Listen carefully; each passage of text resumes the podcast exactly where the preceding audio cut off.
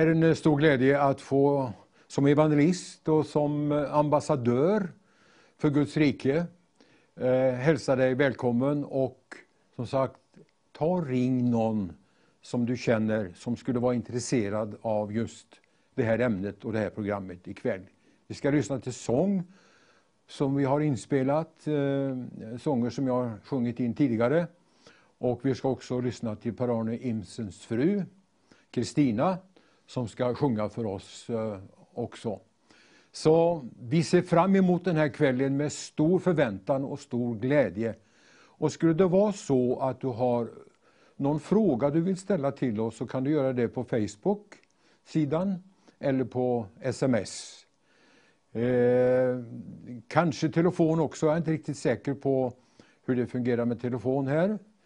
Eh, vi, eh, ja, vi saknar någon medhjälpare här ikväll, men vi ska nog klara det ändå, det tror jag. Ja, då ska jag först eh, ta och citera några bibelord när det gäller just det här med Jesu andra tillkommelse. Jag minns när jag var i tonåren, och det är ganska många år sedan nu, då hade man på Hönö en lada och där hade man ställt, eh, satt upp en skylt som sa så här, Jesus kommer snart, är du redo? Och det var en av de sanningar som bidrog till att jag började tänka på evigheten. Jag gick ju i söndagsskola och jag var på juniormöten och gick på väckelsemöten.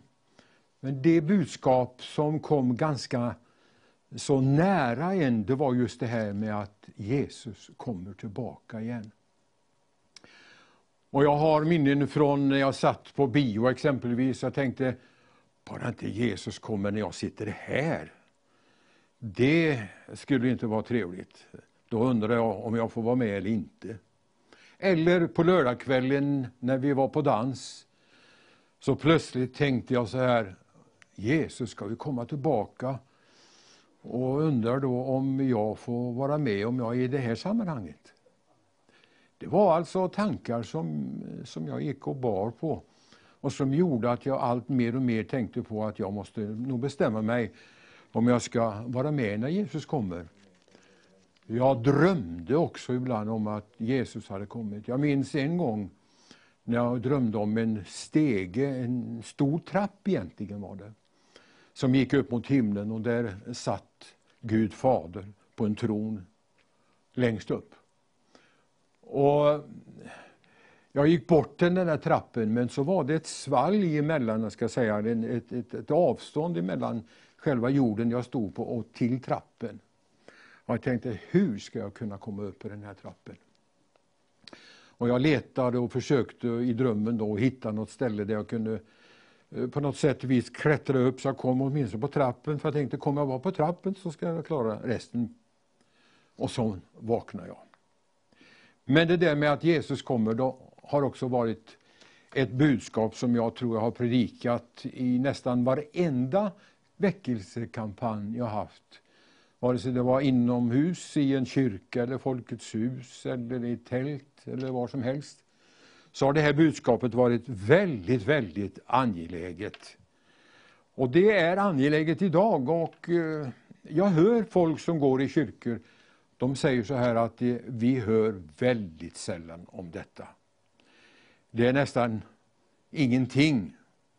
Det är nästan ingen förkunnelse om tidens tecken och att vi närmar oss. Det är mycket, mycket annat, säger man. Jag hinner inte springa på massa kyrkor så jag vet inte vad som föregår, men det är vad jag hör andra säger. Men ikväll ska vi ägna den här kvällen i stort sett hela tiden till just det här, eh, den här sanningen om Jesu andra tillkommelse.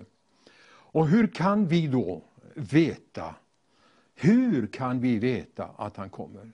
Hur kan vi, vad, vad, vad liksom, eh, kan vi hitta de sanningarna? Jo då, de har vi här i Bibeln. Och då tänker jag närmast på först och främst vad Jesus själv sa i Johannes 14. Han talar ju väldigt mycket eh, I eh, Matteus 23, 24, 25 har vi ju mycket undervisning från Jesus om hans tillkommelse och vad som ska ske. Så den som vill läsa till kan gå till just de här eh, kapitlen, Matteus 23, 24 och 25. Där står det mycket om det. Och eh, även Johannes eh, finner vi Johannes 14. När Jesus talar om det här om att han ska lämna dem, så blev ju de väldigt oroliga, lärjungarna. Väldigt oroliga. Ja, men, du har ju börjat en verksamhet här nu. Du har ju satt igång och predikat så folk börjar att förstå. Och de kommer till tro här och det händer saker. Sjuka blir helade och till och med döda uppstår. Och sen så säger du att jag ska lämna, jag ska gå ifrån er. Det är klart de var oroliga.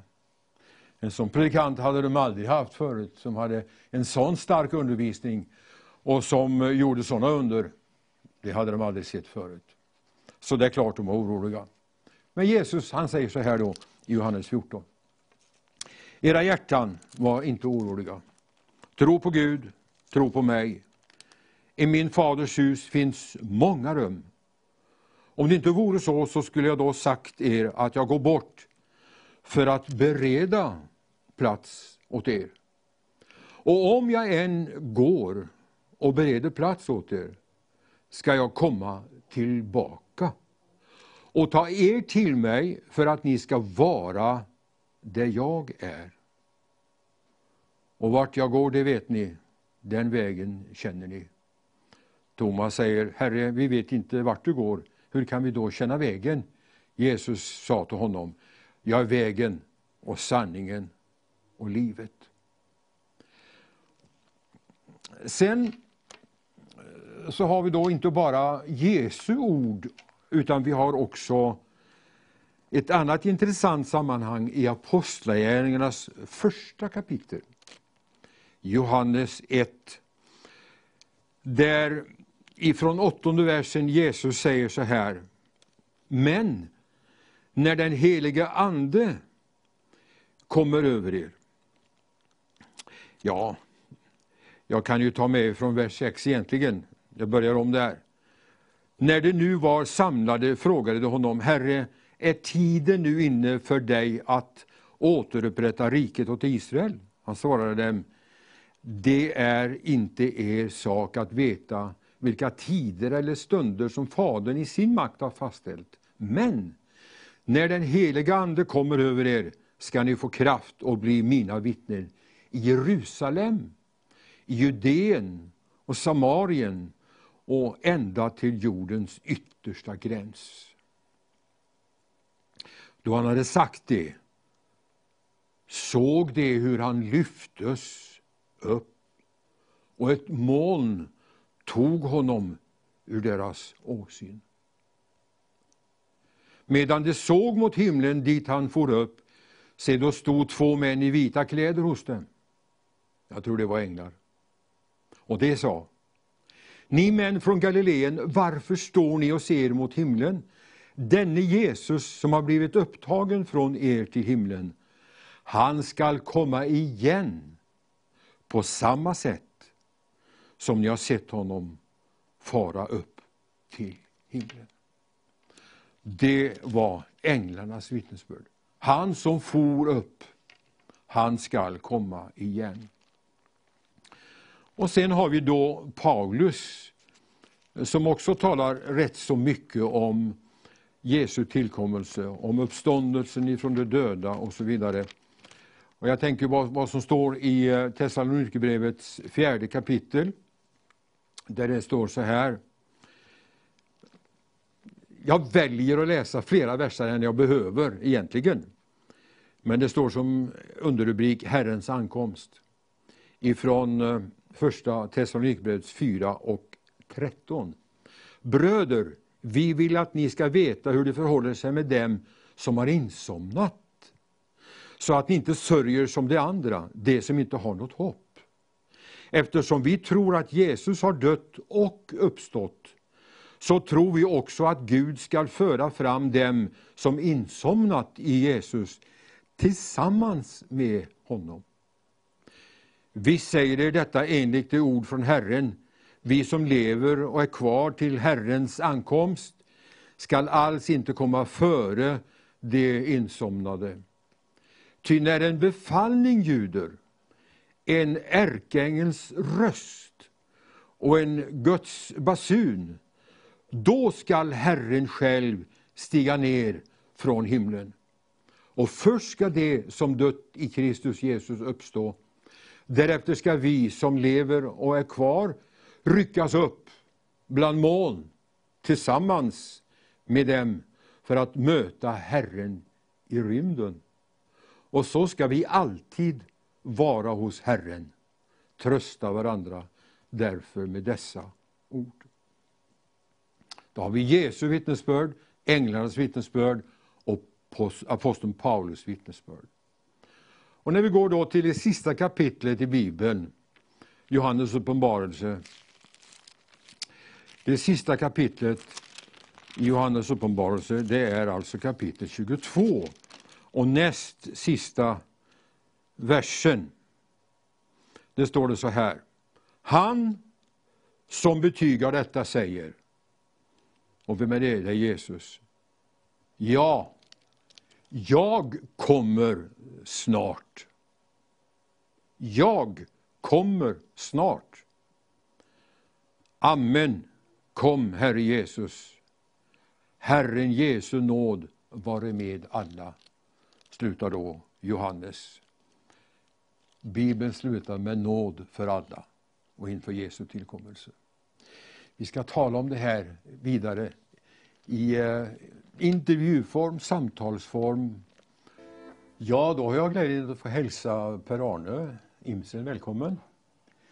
Vi satt just nu och eh, mindes tillbaka i tiden, 60-talets början. Och nu har det gått många år sedan dess, 60 ja. år cirka. Mm. Det var i Örebro. Och du eh, var med och spelade gitarr i sångarskaran som vi hade. Jag ja, samarbetade ju väldigt mycket med din pappa då, ja. på den tiden, ja. Arne Imsen. Ja, och jag var väl i tioårsåldern då. Du var ungefär i tioårsåldern, ja. gitarren, den var väl nästan större än mig. Och nu är det snart lika gammal som jag. ja, åren går. Eh, sen eh, flyttade ni till Stockholm och sen mm. Eh, sågs vi inte så väldigt mycket några Nej. gånger tid i livet och nu är du, har du varit i Göteborg en lång tid och förestår en församling här förstår jag. Mm. Agape, ja. ja. Mm. Vi kom hit för 30 år sedan. Är det så pass länge? Mm. Det var väldigt vad tiden går. Ja, den bara rullar på. Och det är ju väldigt eh, spännande att få sitta tillsammans med dig och uh, prata. Ja. Det hade vi väl inte tänkt vid den tiden, 60-talet, att vi skulle sitta i en tv-studio när vi är nästan 100 år. ja. I alla fall så har vi ett fantastiskt intressant ämne och jag ja. vet att du har eh, läst mycket om det, studerat mycket och undervisat mycket då om, i de här frågorna och mm. bland annat skrivit en väldigt viktig bok som jag tycker är ett fantastiskt arbete, eh, ett sånt jobb du har lagt ner i, mm. i, det, i den boken. Mm. måste vara tusentals timmar. Ja, det är det. Mm. Ja, måste det vara. Det tog ganska lång tid. Förstår ja, jag. det tog väldigt lång tid och på heltid. Ja, det, det, ändå. Ja. ja. Mm. Ja, vi ska väl eh, få något citat, eller flera kanske, från den boken. Mm. Men det här med Jesu tillkommelse, eh, vad menar du, är det, är det aktuellt nu? Eller? För när vi startade i Örebro så började vi med Maranata-ropet som ljuder. Mm. Herren kommer, mm. du vår Herre kom. Mm. Och vi predikar ju så gott som varje möte och sjöng om det väldigt mycket. Mm. Sen har det avtagit hur känner du inför det här budskapet och inför framtiden? Ja, alltså om, om, vi nu ska tala om tidstecken och sånt som eh, på ett väldigt, eh, kan man säga, nästan dramatiskt sätt ja. påminner om att nu är det nära, mm. så är det ju väldigt aktuellt. Mm. Eh, men som du sa här i inledningen, det, man hör inte mycket undervisning om det här. Nej. Det talas inte mycket om det. Och just det där har jag försökt att gå till botten med. Vad är det som gör att man just har trängt undan den undervisningen? För att den är ju en väldigt stor del av ja, Bibeln överhuvudtaget. Men som i Nya ja. Testamentet, det, det, står ju om det ja, cirka 300 gånger. Ja. Och, och, nu när vi liksom står så nära som jag menar då, mm. då borde vi ju verkligen vara väktare som ropar och som, eh, som det är ett återkommande budskap i Nya Testamentet, var, var redo, Jesus kommer. Du, du berättade ju om, om kampanjen på Hönö, hur man hade skyltar och så här. Och, och, och, det fanns väl en tid då tillbaka uppenbarligen då de här sanningarna kom fram, men ja. det, det, har försvunnit. Men jag, jag funderar lite på det där och, och så har jag läst lite om det och det, det, är ju helt uppenbart så att det finns olika vad ska man säga, uppfattningar så, så, som man exempelvis när det gäller Uppenbarelseboken som du läste, om, läste där om att Jesus kommer snart.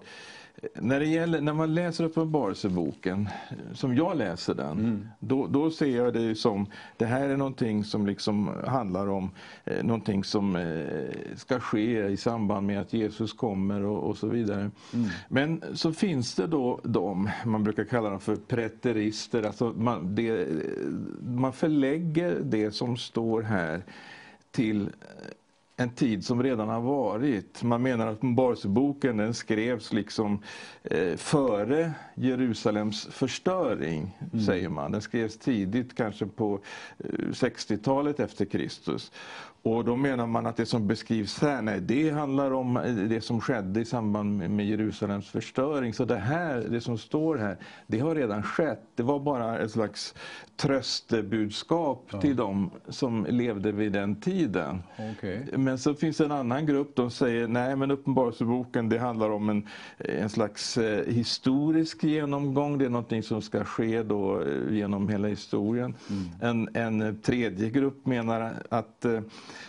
det handlar mer om en slags eh, eh, förklaring i den här kampen som finns mellan det onda och det goda då, som mm. sker genom hela historien.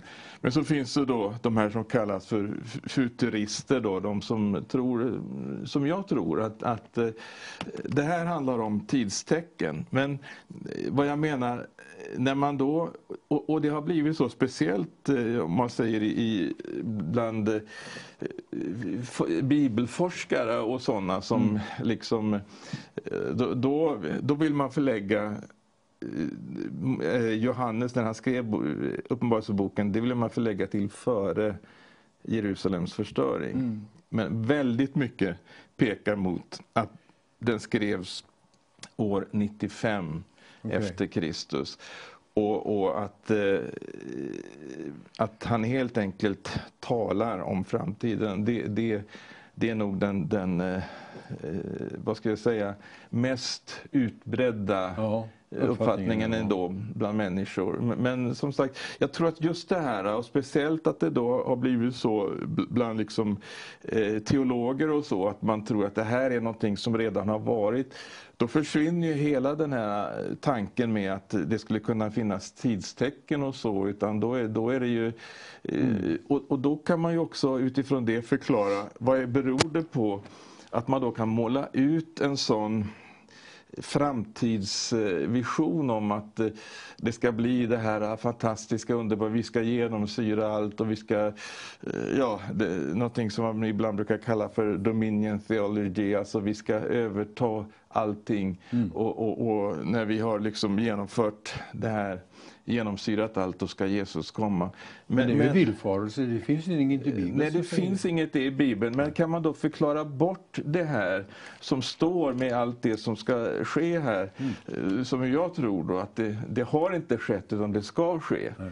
Men har man då den här andra uppfattningen, ja då kanske man kan måla ut en annan framtidsbild att eh, eh allting kommer att mm. bli, bli så bra. Du nämnde just om det, vad som kan vara orsaken till att man inte förkunnar det. Mm. Kan det bero på, det kan bero på flera, flera saker, det du nämnde om. Mm. Och så kan det också bero på att eh, man helt enkelt har tappat kärleken.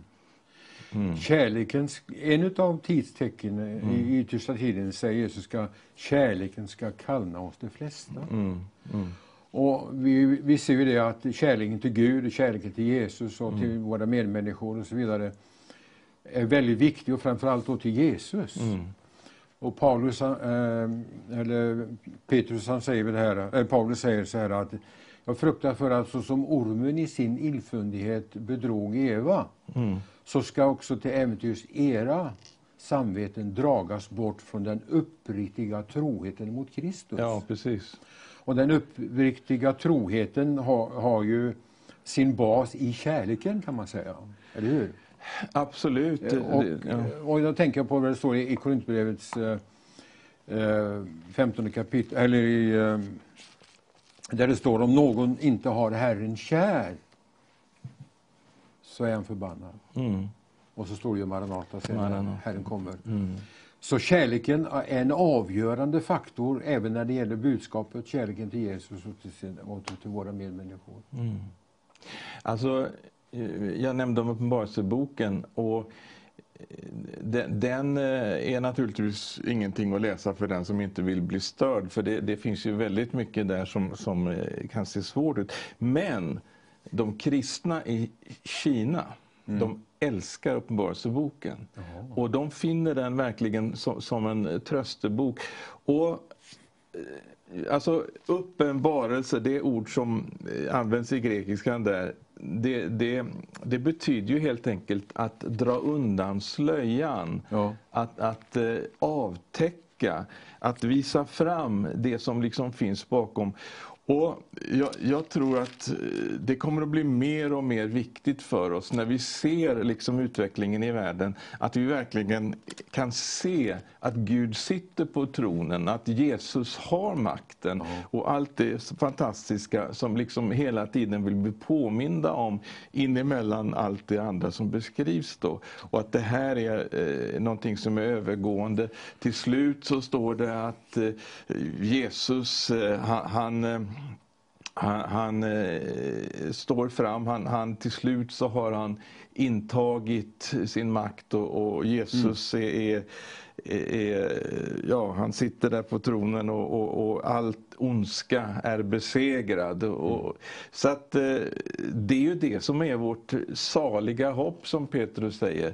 Vi väntar ju på detta att, att vi ska få se hur, hur ondskan bara eh, ska bli fullständigt eh, besegrad. Och, och, och, ja, Det blir väl inte förrän han kommer och gör slut på den striden. Mm, Det är väl det det handlar om. Ja. Slutfasen.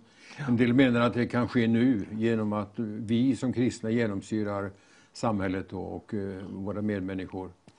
Många, många säger ju så här också att eh, det ska bli sådana fantastiska väckelser på slutet. Men mm, som jag sa i vårt samtal tidigare, jag kan inte, jag kan inte se några speciella löften i den yttersta tiden, förutom andeutgjutelsen. Det ska ske i den yttersta tiden att jag ska utgjuta min ande över allt kött. Det börjar ju då på pingstdagen. mm, Så den, den yttersta tiden är en ganska lång period egentligen. Och att svåra tider ska komma, besvärliga tider, och det står det. Men då tänkte jag på ett ord, vi vet att han kommer, mm, och du har varit inne på tecknen här. När eh, Jesus satt på Oljeberget och lärjungarna var ensamma med honom gick de fram till honom och frågade Säg oss, när ska detta ske? Och vad blir tecknet på din återkomst? mm. Och den här tidsålderns slut? Vilka tecken har vi? Eh, Kan vi nämna tre, fyra? Ja, du läser ju i Matteus 24. Och, och, och där står, så står det ju, det står ju faktiskt i, i singularis, vad blir tecknet?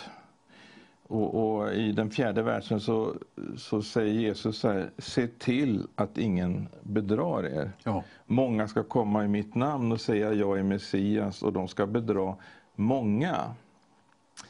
Och sen står det om, om eh, stridslarm och krig och, eh, och sen så står det också att sådant måste hända. Alltså det finns uppenbarligen ett skeende som, som på något sätt måste gå över världen. Någonting måste hända. Eh, och, och det handlar väl då att, eh, det, det står väl om födslovåndor på ett annat ställe, men, men just detta att eh, det här är saker som, som handlar om att eh, det on, ondskan måste, det måste till en fullständig och total och slutlig uppgörelse med ondskan, med djävulen, med allt vad han representerar. Ja. Och det kommer att eh, orsaka de här oerhörda omvälvningarna. Mm. Och, det står ju sådana saker som hungersnöd och jordbävningar ja. och ja. folk ska resa sig Det har ju blivit fler jordbävningar. Det är ju många om året, jag minns inte den sista Nej. statistiken men det är mycket jordbävningar som sker, har skett nu på det sista århundradet. Mm. Det har skett från historiens början egentligen. Ja. Bara det är ett, ett tecken. Precis, jag har ingen koll på den statistiken. Men, men eh, det, det, är helt uppenbart att det sker väldigt mycket både i naturen, i folkhavet. Men så är det också andra saker som sker och, och, och som vi läser om i Uppenbarelseboken, exempelvis det trettonde kapitlet där det står om ett kontrollsamhälle som ska växa fram. Mm. Och, och, eh, jag minns jag lyssnade eh, någon gång för väldigt länge sedan på, till Toralf Gillbrant. Han, mm. han talade ju mycket om det här med tidens tecken och så. Och, och, han ställde en fråga i en predikan, jag tror det till och med var predikans eh, tema, alltså, när kommer Antikrist?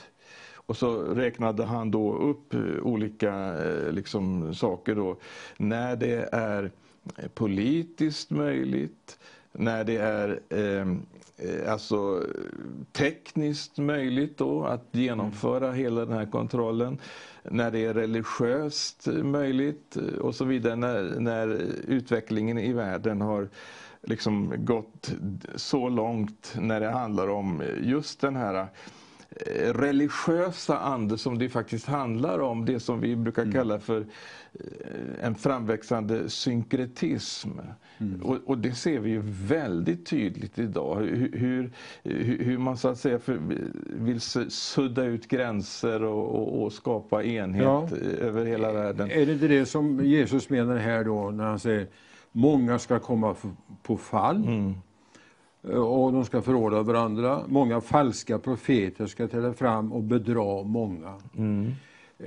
Man kanske inte väntar sig att de här stora falska profeterna ska komma eh, plötsligt och upp, uppenbara sig, utan det är ett, ett smygande verk av djävulen mm. in i den religiösa eller kristna världen.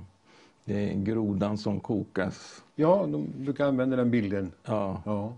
Det jo. går sakta med det här med avfallet. Avfallet ja. måste först ha skett. Ja. Och det kan man väl säga, laglösheten tilltar, kärleken svalnar hos de flesta.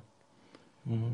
Allt det där det var ju engagemang förut mm. i, i församlingar. Det var mm. stort mm. engagemang mm. när det gäller just mötena, bibelstudierna, bön och allt det här. Mm. Tänk vad det har svalnat. Mm. Absolut. Eh, när jag tänker på det som Gillbrand talade om där, det, det blir liksom eh, religiöst möjligt men också tekniskt möjligt. Jag tänker på vilken otrolig utveckling vi har sett bara på, på något decennium just mm. när det gäller det här med, med eh, kontrollen av alla människor på hela mm. jorden. Och, mm. och, nu när de här nya systemen kommer, ID 2020 och så vidare, hur, hur, man liksom vill märka varenda människa på hela jorden och föra in i ett stort så att säga, eh, system där man kan kontrollera hela mänskligheten. Mm. Så att vi, vi är ju liksom där, det är Uppenbarelseboken 13 talar om att ingen ska få köpa eller sälja som inte har det här märket. Vi, vi står där, vi är där idag. Ja. Det som Tora Filbrand talade om också då att när det blir tekniskt möjligt. Det är det idag. Ja. Vi har fått den religiösa eh, vad ska man säga, tänkesätt och, och atmosfär mm. Eh, så, som eh, gör detta möjligt. Och dessutom politiskt så, så ser man liksom hur mänskligheten samlas. Vi har så stora globala problem nu så att de enskilda nationerna har inte möjlighet att lösa problemen utan vi måste komma tillsammans och vi måste skapa en, en eh, regering så att vi kan lösa eh, det som är våra eh, gemensamma problem som mänsklighet. Och, och eh, den här pandemin nu har ju, har ju med, med, sin globala eh, utbredning då har ju blivit ytterligare liksom en anledning till att få kunna flytta fram de här kontrollpositionerna då och ytterligare liksom understryka behovet utav den här världsregeringen. Så att jag eh, undrar vad kommer, att, vad kommer vi att se alltså post-corona, efter liksom den här pandemin. Ja. Jag tror inte att vi går tillbaka till det som var före. Nej. Utan jag tror att det kommer att bli väldigt stora förändringar. Mm. Så, som just har med det här att göra. Att, att eh, det, det, handlar om kontroll, det handlar om att, att eh, mänskligheten ska liksom formas och styras i en speciell riktning. Och det handlar om antikrists ande. Ja. Och snart ska, ska den då som är, är denna antikrist, alltså personifierad, jag, jag, jag, ser det ske. Men en annan sak sker också parallellt och, och, vi får ta med det positiva. Att det står att detta evangelium om riket ska bli predikat för alla folk innan slutet kommer. Och, och det, det, kanske vi får återkomma till sen också. Ja, och det är ju tekniskt möjligt med tv bland annat och Precis. radio och på annat ja, sätt. Ja. Helt otroligt. Ja. Ja. det här är spännande. Vi har bara börjat att skumma lite på mm. på mjölken. det, ja, en sak till innan vi går in på en sång till här. jag tänker bara, jag såg ett, ett eh, formulär från banken. Det är likadant i USA och här i Sverige. Banken vill nu ha reda på vad du heter, var du bor och vad du gör. De vill ha reda på hur mycket pengar du har, om du skickar pengar, var du får pengarna ifrån, mm. vad du mm. ska använda dem till. Ja. Sånt har ju aldrig förekommit tidigare. Nej. Jag, blev helt, jag blev helt ställd när jag såg det här, mm. det, eh, alltså det här pappret. Hur många saker som banken ska ha reda på. Mm. Och vart det går sen. Eh, det är en våldsam eh, hastighet på kontrollen som, mm. som pågår just nu. Mm. Egentligen. Ja. ja, det är på alla ja. områden. Vi ska, vi, ska, vi ska prata lite mer om, om just det här. Är du en av alla dem som gläds över Vision Sverige? Att det flera dagar varje vecka är livesändningar med spännande intervjuer, förkunnelse, undervisning, lovsång. Att det är program som når ut till människor som aldrig har hört evangeliet. Jag vill uppmuntra dig att stå med tillsammans och bygga liksom en skyddsmur runt Vision Sverige. Eh, det behövs pengar för att bedriva bra kristen TV. Och Vision Sverige har behov av, tänk ifall tusen gåvogivare med möjlighet att ge 500 kronor varje månad eh, kunde vara med och stötta Vision Sverige och stå med och bygga det andliga skydd likt eh, Nehemja i Gamla Testamentet där, där folket var med och byggde upp murarna runt staden. Eh, tänk ifall du som tittare, du som supportare, du som har möjlighet. Du kanske inte har möjlighet att ge 500, du kanske ge 100 kronor eller 50 kronor. Men när många är med så blir arbetet lätt. Så jag vill uppmuntra dig att stå med och stötta Vision Sverige så att vi i fortsättningen kan ha god kristen TV i Sverige. Gud välsigne dig. Ja, då vill jag stryka under och eh, säga så här att tycker du att sådana här program och eh, andra evangeliska program, sångprogram och att få förmedla det här budskapet ut till människor betyder någonting då tror jag att du också vill vara med och stödja det här ekonomiskt eftersom vi inte nu har någon eh, reklamintäkter på något sätt utan Vision Sverige vill vara en kanal som står för de bibliska sanningarna. Även om de är obekväma ibland och ovanliga men bibliska och viktiga så måste det ut till medmänniskorna. Och ta vara på den här möjligheten nu. De har ju bilden ifrån Nehemja bok om att bygga en mur. Och att varje sten då, jag hade tänkt vi skulle lyckas med att göra en, en, en, eh, en speciell skylt för det här förutom den du såg här alldeles nyss. Där vi kunde se att varje sten var värd 500 kronor. Tänk om vi kunde få in cirka 30 stycken här nu som ger 500 kronor som gåva till hjälp till Vision Sverige. Det behövs nu. Vi behöver det. Och eh, därför så vädjar vi då att om du tycker att sådana här program är värdefulla och att det ska fortsätta, så var med också, inte bara i förbön, som jag tror är viktig, men också när det gäller detta med att ge gåvor. Jag tänker just på nästkommande onsdag, nästa vecka. Då kommer KG Larsson hit, en känd profil, känd pastor inom kristenheten i Sverige. Han talar också mycket om de yttersta tingen och inte minst om Israel. Och han är inbjuden hit till nästa onsdag att tala om Israel. Därför så talar vi inte så mycket om Israel här ikväll utan vi överlämnar det åt KG Larsson till nästa onsdag.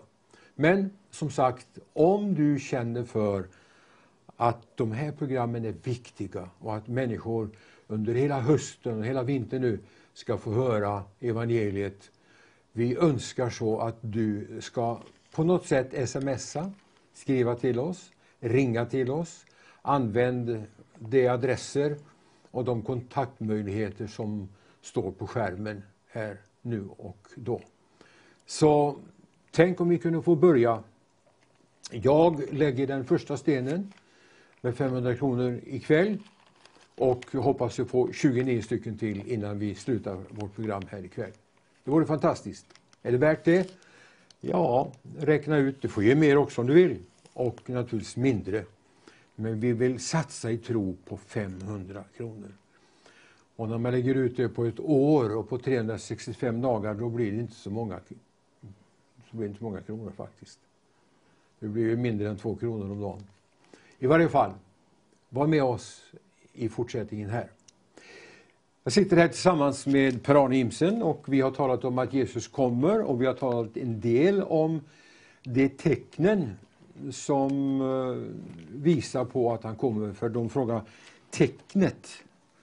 Men det är mm. egentligen flera tecken kan man säga. Mm. Eh, jag nämnde om Israel. Det kan ju bara säga att Israel skulle få sitt land tillbaka. Mm. Det fick de. Mm. Och de fick Jerusalem tillbaka. Mm. Det är två tecken. Och nu så finns det ännu fler tecken som är viktiga att mm. uh, ta med här. Men vad som är intressant det är ju det här att vad sker när Jesus kommer? Mm. Han kommer i skyar. Mm. Absolut. Vad sker?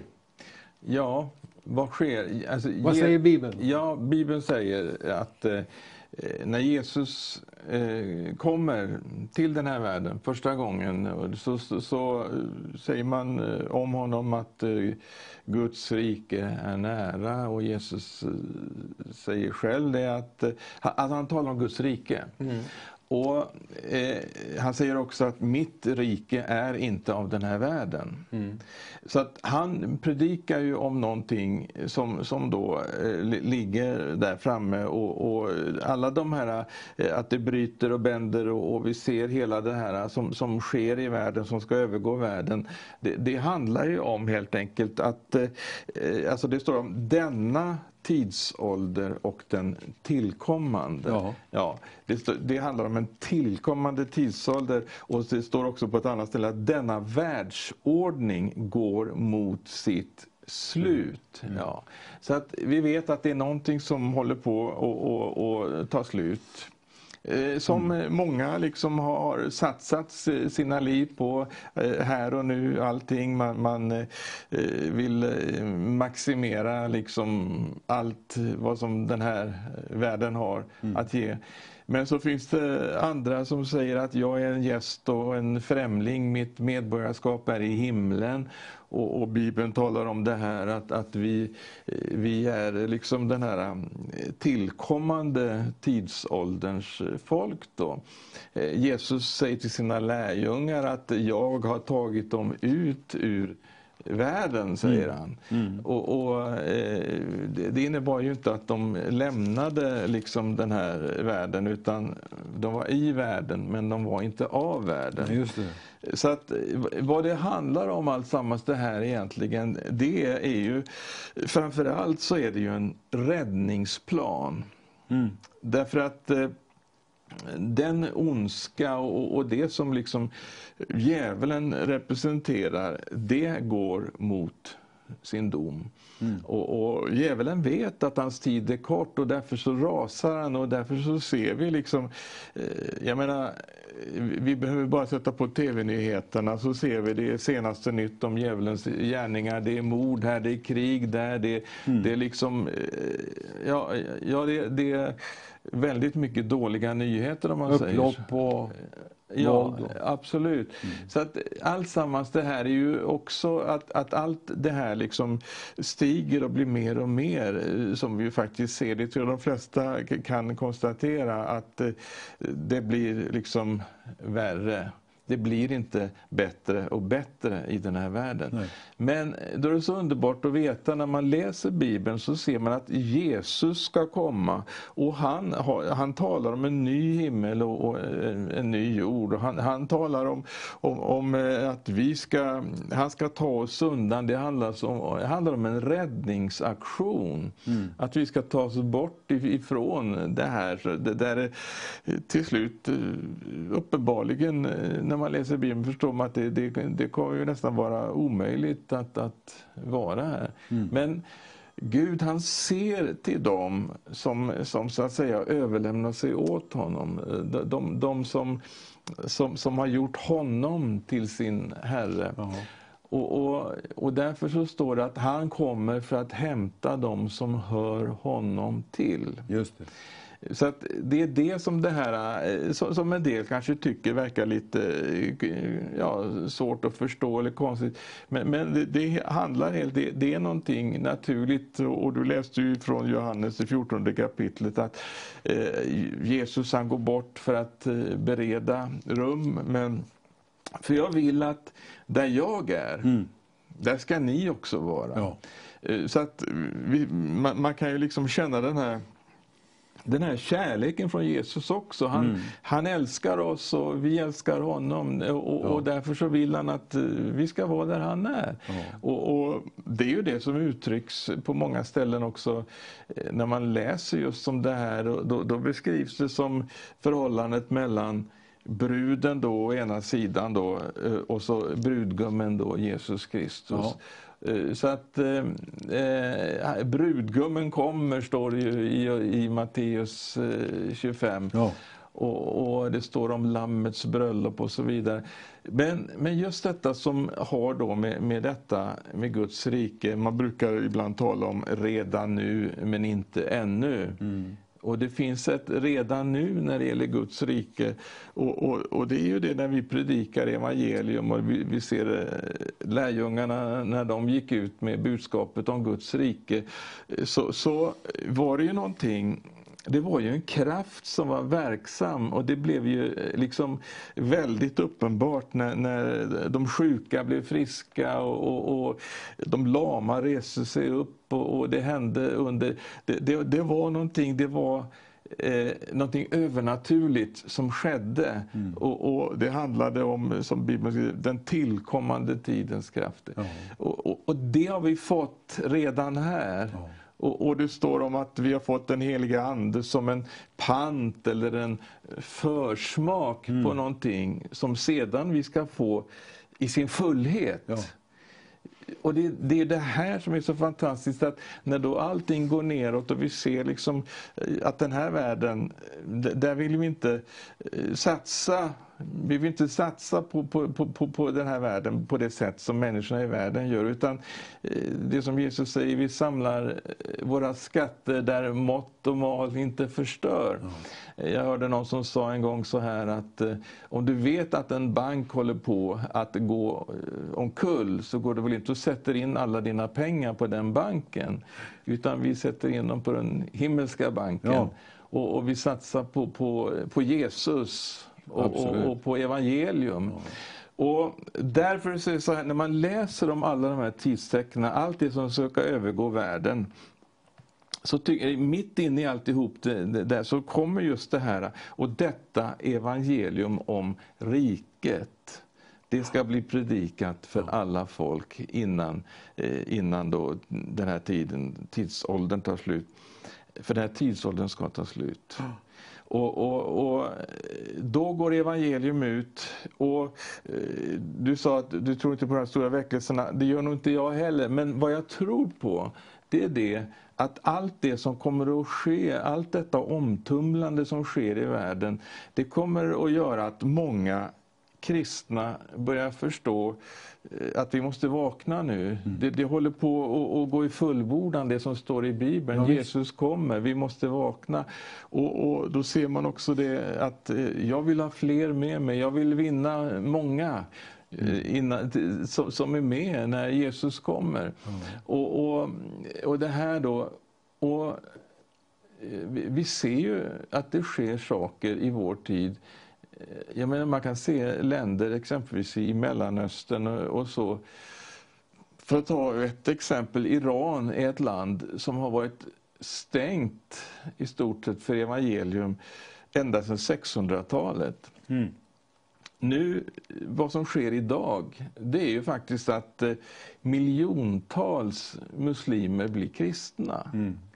Vi kan se, jag har själv varit i, i, i eh, muslimländer och sett liksom vad som sker, hur det växer fram sådana här husförsamlingar på den mm. ena platsen efter den andra. Mm. Därför att det finns en, det, det, är någonting som håller på att hända. Det, det, eh, mm. Ja, många säger helt enkelt, speciellt den yngre generationen, att de är så oerhört trötta på, på en religion där det handlar om att döda andra och så vidare. Ja. Så att eh, evangelien går framåt. Vi såg för några år sedan hur järnridån föll och evangelien fick nå ut i, Östeuropa och in i Ryssland. Mm. Och jag tror att eh, det, är många sådana här eh, ridåer som kommer att falla samtidigt som någonting annat så kommer också att, att det liksom blir bli, eh, värre när vi ser hela den här utvecklingen med kanske att det blir mer förföljelse. Det säger ju Bibeln att ja. vi kommer att få se. Så, så, att det blir en slags, eh, eh, vad ska vi säga, eh, det blir ett crescendo, det blir, det blir konfrontation. Mm. Därför att eh, de kristna har bestämt sig. Vi vill stå upp för vår Herre. Absolut. Medan eh, djävulen han, han eh, driver ju på med sin antikrist. Han lägger ju inte av precis. Nej. Det var som det var, det var någon historia om en kvinna som var så väldigt positiv. Mm. Hon hade alltid något positivt att säga. Mm. Men vad kan du säga om djävulen då? sa de till henne då eftersom uh, det som är utmärkande för honom positivt. Mm. Eller hur man nu uttryckte det. Och det är väl det att han inte ger sig. Så. Ja. Det, det konstaterar hon. Ja, lat är han inte, sa hon. Lat är han inte, nej. Var det så, ja? ja. Okay. ja. ja. Men eh, tillbaka till just vad som ska ske då ytterligare där i det ögonblick Jesus kommer. Jag tycker om det här ordet där, där Jesus säger här i, eh, i Johannes 14 att jag vill att där jag är, där ska ni också vara. Mm. Han är väldigt positiv. Mm. En del tror att, eh, att Gud är väldigt negativ till människorna, men det är precis tvärtom. Mm. Han är negativ eh, till eh, de onda gärningarna och allt det här mm. som har med djävulens verk att göra, det som mm. är synd och allt det här. Men mm. till människan det är ju kronan på hans skapelse. Han är ju alls inte ointresserad utav människorna. Mm. Jag tror många människor har fått fel uppfattning av Gud, att han är en, en stor domare som sitter på en tron och dömer människor och kollar deras gärningar i mm. ena efter andra. Mm. Jag tror att Gud är väldigt positiv till människan och mm. det är klart att det har han ju också visat när han sände sin son Jesus mm. för att lida och dö, mm. för att vi skulle bli frälsta. Gud vill ju att alla ska bli frälsta. Mm. Det jag är, det vill jag att ni, vilka då? Alla människor ska få komma till tro på Jesus mm. och uppleva. Eh, och som Paulus säger, Herren själv ska stiga ner från himlen ett maktbud ska, ska judarna överängsföras och Guds person. Först ska det i Kristus döda uppstå. Och sen ska då vi ryckas upp, som det heter, ryckas med, eller hur man nu vill uttrycka det. Det är välja debatter kring det här skeendet. Ingen vet ju exakt, så här, jag vet precis hur det ska gå till. Det, det, jag har hört dem som säger så, mm. men eh, det är få som, det är ingen som vet egentligen. Nej, jag, jag, brukar säga jag vill inte vara mer tydlig än vad Bibeln är. Nej. Därför att eh, det, det, finns ju de som vet precis exakt, alltså man lägger upp sina scheman och så vidare. Ja. Eh, det tror inte jag på. Utan det viktiga tror jag, det, det, är inte att vi har en slags tidtabell. Det viktiga är att vi är redo vilken stund han än kommer. Mm. Det står om, om en stam i Israel att de kände tidstecknen mm. och visste vad de borde göra. Mm. Och det tror jag det är en viktiga lärdom vi ska ta. Det är inte frågan om att kunna se ett slags eh, scenario och ha en slags eh, huvudkunskap om, om saker och ting. Utan vad ska jag göra? Vad innebär det för mig att mm. Jesus kommer? Mm. Vad har det med, hur påverkar det min livsstil? Hur påverkar det mitt vittnesbörd? Mm. Hur påverkar det om jag vet att eh, jag inte har hur mycket tid som helst eller att världen liksom är på väg som den är? Då, då vill jag ge järnet. Ja. Alltså det som jag sa här, att Gud vill ju att alla människor ska bli frälsta. Mm. Alla människor. Mm. Och när vi talar om väckelse så... Alltså när vi talar om väckelse då, då menar vi att många blir frälsta ungefär samtidigt eller under en period. Mm.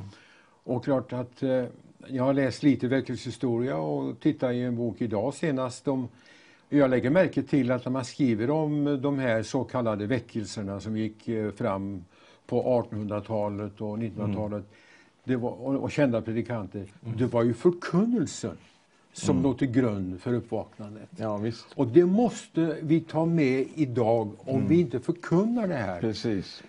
Det här måste ju förkunnas för det är det som väcker folk. Om inte det här mm. väcker folk, mm. vad är det som ska väcka folk? Nej. Eh, de tragiska händelserna i New York då, där med två tornen rasade. Mm. Folk sprang till kyrkan sen strax efteråt och, mm. och folk trodde det skulle bli en fantastisk väckelse efter det här. Mm. Men det blev det inte. Det, det, var bara en liten... Mm. Och jag menar det att om jag tror på en stor väckelse eller en liten väckelse mm. så har det ingen eh, avgörande betydelse för hur det blir i, i, i det sammanhanget. Mm. Jag tänker på, det var många som kom till tro på Jesus när han talade och gjorde under ibland. Men rätt vad det så läser vi om att han står där inför Jerusalem och säger, hur ofta har jag inte velat församla er? Mm. Som hönan församlar sina kycklingar. Mm. Men ni har inte velat. Mm. Ni vill inte, ni ville inte. Mm. Och, och, så gick det som det gick med Jerusalem också. Mm. Därför att de det kommer en konsekvens av att inte vara redo. Mm. Det talar man väldigt lite om också idag. Mm. Inte bara att man inte tror på att Jesus kommer, men vad är det som sker? Du citerade här, det som var redo gick in med honom till bröllopet. Mm. Just det här, intressant tanke med just det här med relationen brud och brudgum. Det, är, mm. det har med gemenskap och kärlek att göra och mm. trohet emot honom och så mm. vidare. Mm. Jag tänker på de tio jungfrurna. Egentligen inte en lätt berättelse men det, det var tio jungfrur, säger Jesus, som gick ut för att möta brudgummen. Mm. Och alla hade det gemensamt, mm. att möta honom. Och eh, alla somnade. Mm. Alla vaknade. Alla redde till sig lampor, men det var något som fattades för de fem. Gå bort och köp olja, säger de här andra till de som säljer. Och medan de gick bort så kom brudgummen. Hade de stannat kvar, en tanke, då kunde de ha gått med de andra fem in. Mm. Ja, vem vet. ja. eh, vad, som är, vad, som är, vad som är viktigt i det sammanhanget är ju det att han kom Mm. Och han släppte in dem som var redo. Mm. Av vilken anledning de andra inte var redo. Så de blev kvar utanför och det de fick höra det var jag känner er inte. Han kände inte ens dem. Det är viktigt att lära känna Jesus. Att ha honom med i livet. Jag tänker på vad som skedde så som det skedde på Noas tid. Vad har du för tankar om just det? Om eh, så som människorna levde på den tiden före floden. De åt och drack och levde sitt vanliga liv. Och, och, och Gud hade bestämt sig. Tänk att det står att han ångrade att han hade gjort människa. Mm. Så, deras ondska var så stor. Men det var några det var egentligen Noa som hade funnit nåd inför hans ögon och eh, hans familj. De var åtta stycken. Åtta blev räddade bara i slutskedet. Arken byggdes och hur många år det tog det är vi inte eh, he helt säkra på heller. Men i varje fall så en dag var arken färdig. Och det hade säkert funnits möjlighet för många andra att komma in i arken om de hade velat, men de ville inte, precis som Jerusalems folk. Många kunde bli frälsta idag om man ville, men man vill inte. Och det är det svåra i den här tiden. Det hindrar inte att vi predikar evangelium, att vi fortsätter och ska fortsätta, men vi måste om vi ska uppleva gamla tiders väckelse, då måste vi också ta upp gamla tiders förkunnelse. Vi kan inte bli så moderna att vi tar bort korset och blodet. Om du hör Nej. lovsånger idag, saknar blod, saknar försoning, saknar korset och efterföljelse. Ja, jag, jag tror ju på just detta som du säger med, med eh, ordet, hur vikten av att vi förkunnar Guds ord och allt Guds ord. Eh, när vi läser apostlagärningarna och ser vad var det som liksom hade framgång? Jo, det står att Guds ord hade mäktig framgång. Och när, när man liksom la grunden med Guds ord och, och, och det levandegjorda ordet. eh, Vi vet ju de skriftlärda hade ju hållit på och läst ur skrifterna i alla år men det hade inte hänt någonting. Men så kommer de här eh, som har varit med där på pingstdagen och varit med om andeuppfyllelsen med skrifterna, samma skrifter men, men nu levandegjorda och, och predikar och, och den ena staden efter den andra så planteras det församlingar och, och Guds rike utbreder sig genom ordets förkunnelse. Och här tror jag, just i, i ändetiden så tror jag att det kommer att vara just detta, de som vill stå fast vid ordet. Johannes, han satt i fängelse på Patmos, står det i Uppenbarelseboken, för Guds ords och Jesu vittnesbörds skull. Det står i kapitel 6 om de som har blivit halshuggna för Guds ord och Jesu vittnesbörds skull. Det står i tolfte kapitlet om hur djävulen liksom eh, eh, jagar och hatar dem som har Jesu vittnesbörd och håller fast vid hans ord. Alltså det finns någonting som jag tror djävulen hatar över allting annat. Det är de som vill stå för Guds ord. Ja. Men det, det är också eh, varför han, han vet vilken makt det är Ja i Guds ord. Och det är därför han är sån motståndare till det. Men jag skulle önska att vi som Guds folk också förstod vilken kraft det är i Guds ord. Guds ord är levande och kraftigt. Det står att vi har fått andens svärd som är Guds ord. Och eh, jag skulle verkligen eh, vilja eh, uppmuntra till det. Låt oss få se en bibelväckelse, att vi kommer tillbaka till ordet. Då, då kommer vi att kunna eh, så att säga få vara med om det vi har sett genom generationerna. eh, När, när man har sagt eh, åter till ordet Ja. och, och, och det har skakat om i samhällen och Det vi länder. upplevde då i Örebro i början där, Mm. när vi jobbade tillsammans då, med din pappa. Då, det var ju på ett tidigt stadium var jag i Norge och lyssnade då på Åge Samuelsen. Mm. Det var innan ni hade flyttat till Örebro. Och den förkunnelsen som Åge Samuelsson då hade, Mm. det var ju inte det, var ju inte det att, att det ska komma något väldigt framöver och att vi längtar så efter det som ska komma och att Gud ska komma ibland oss och så vidare. Som man idag kör med liksom så här och det låter så ödmjukt och så men, men han är ju bland oss. Vi är, När vi är samlade i hans namn så är han. Han är alltid närvarande. Det är i honom vi rör oss och är till och så vidare. Va? Och den förkunnelsen han hade, det var ju detta att inte, bara att Jesus kommer utan han är här nu. Han är här. Så. De sa, är han här eller är han inte här? Sa han och folk ropade amen.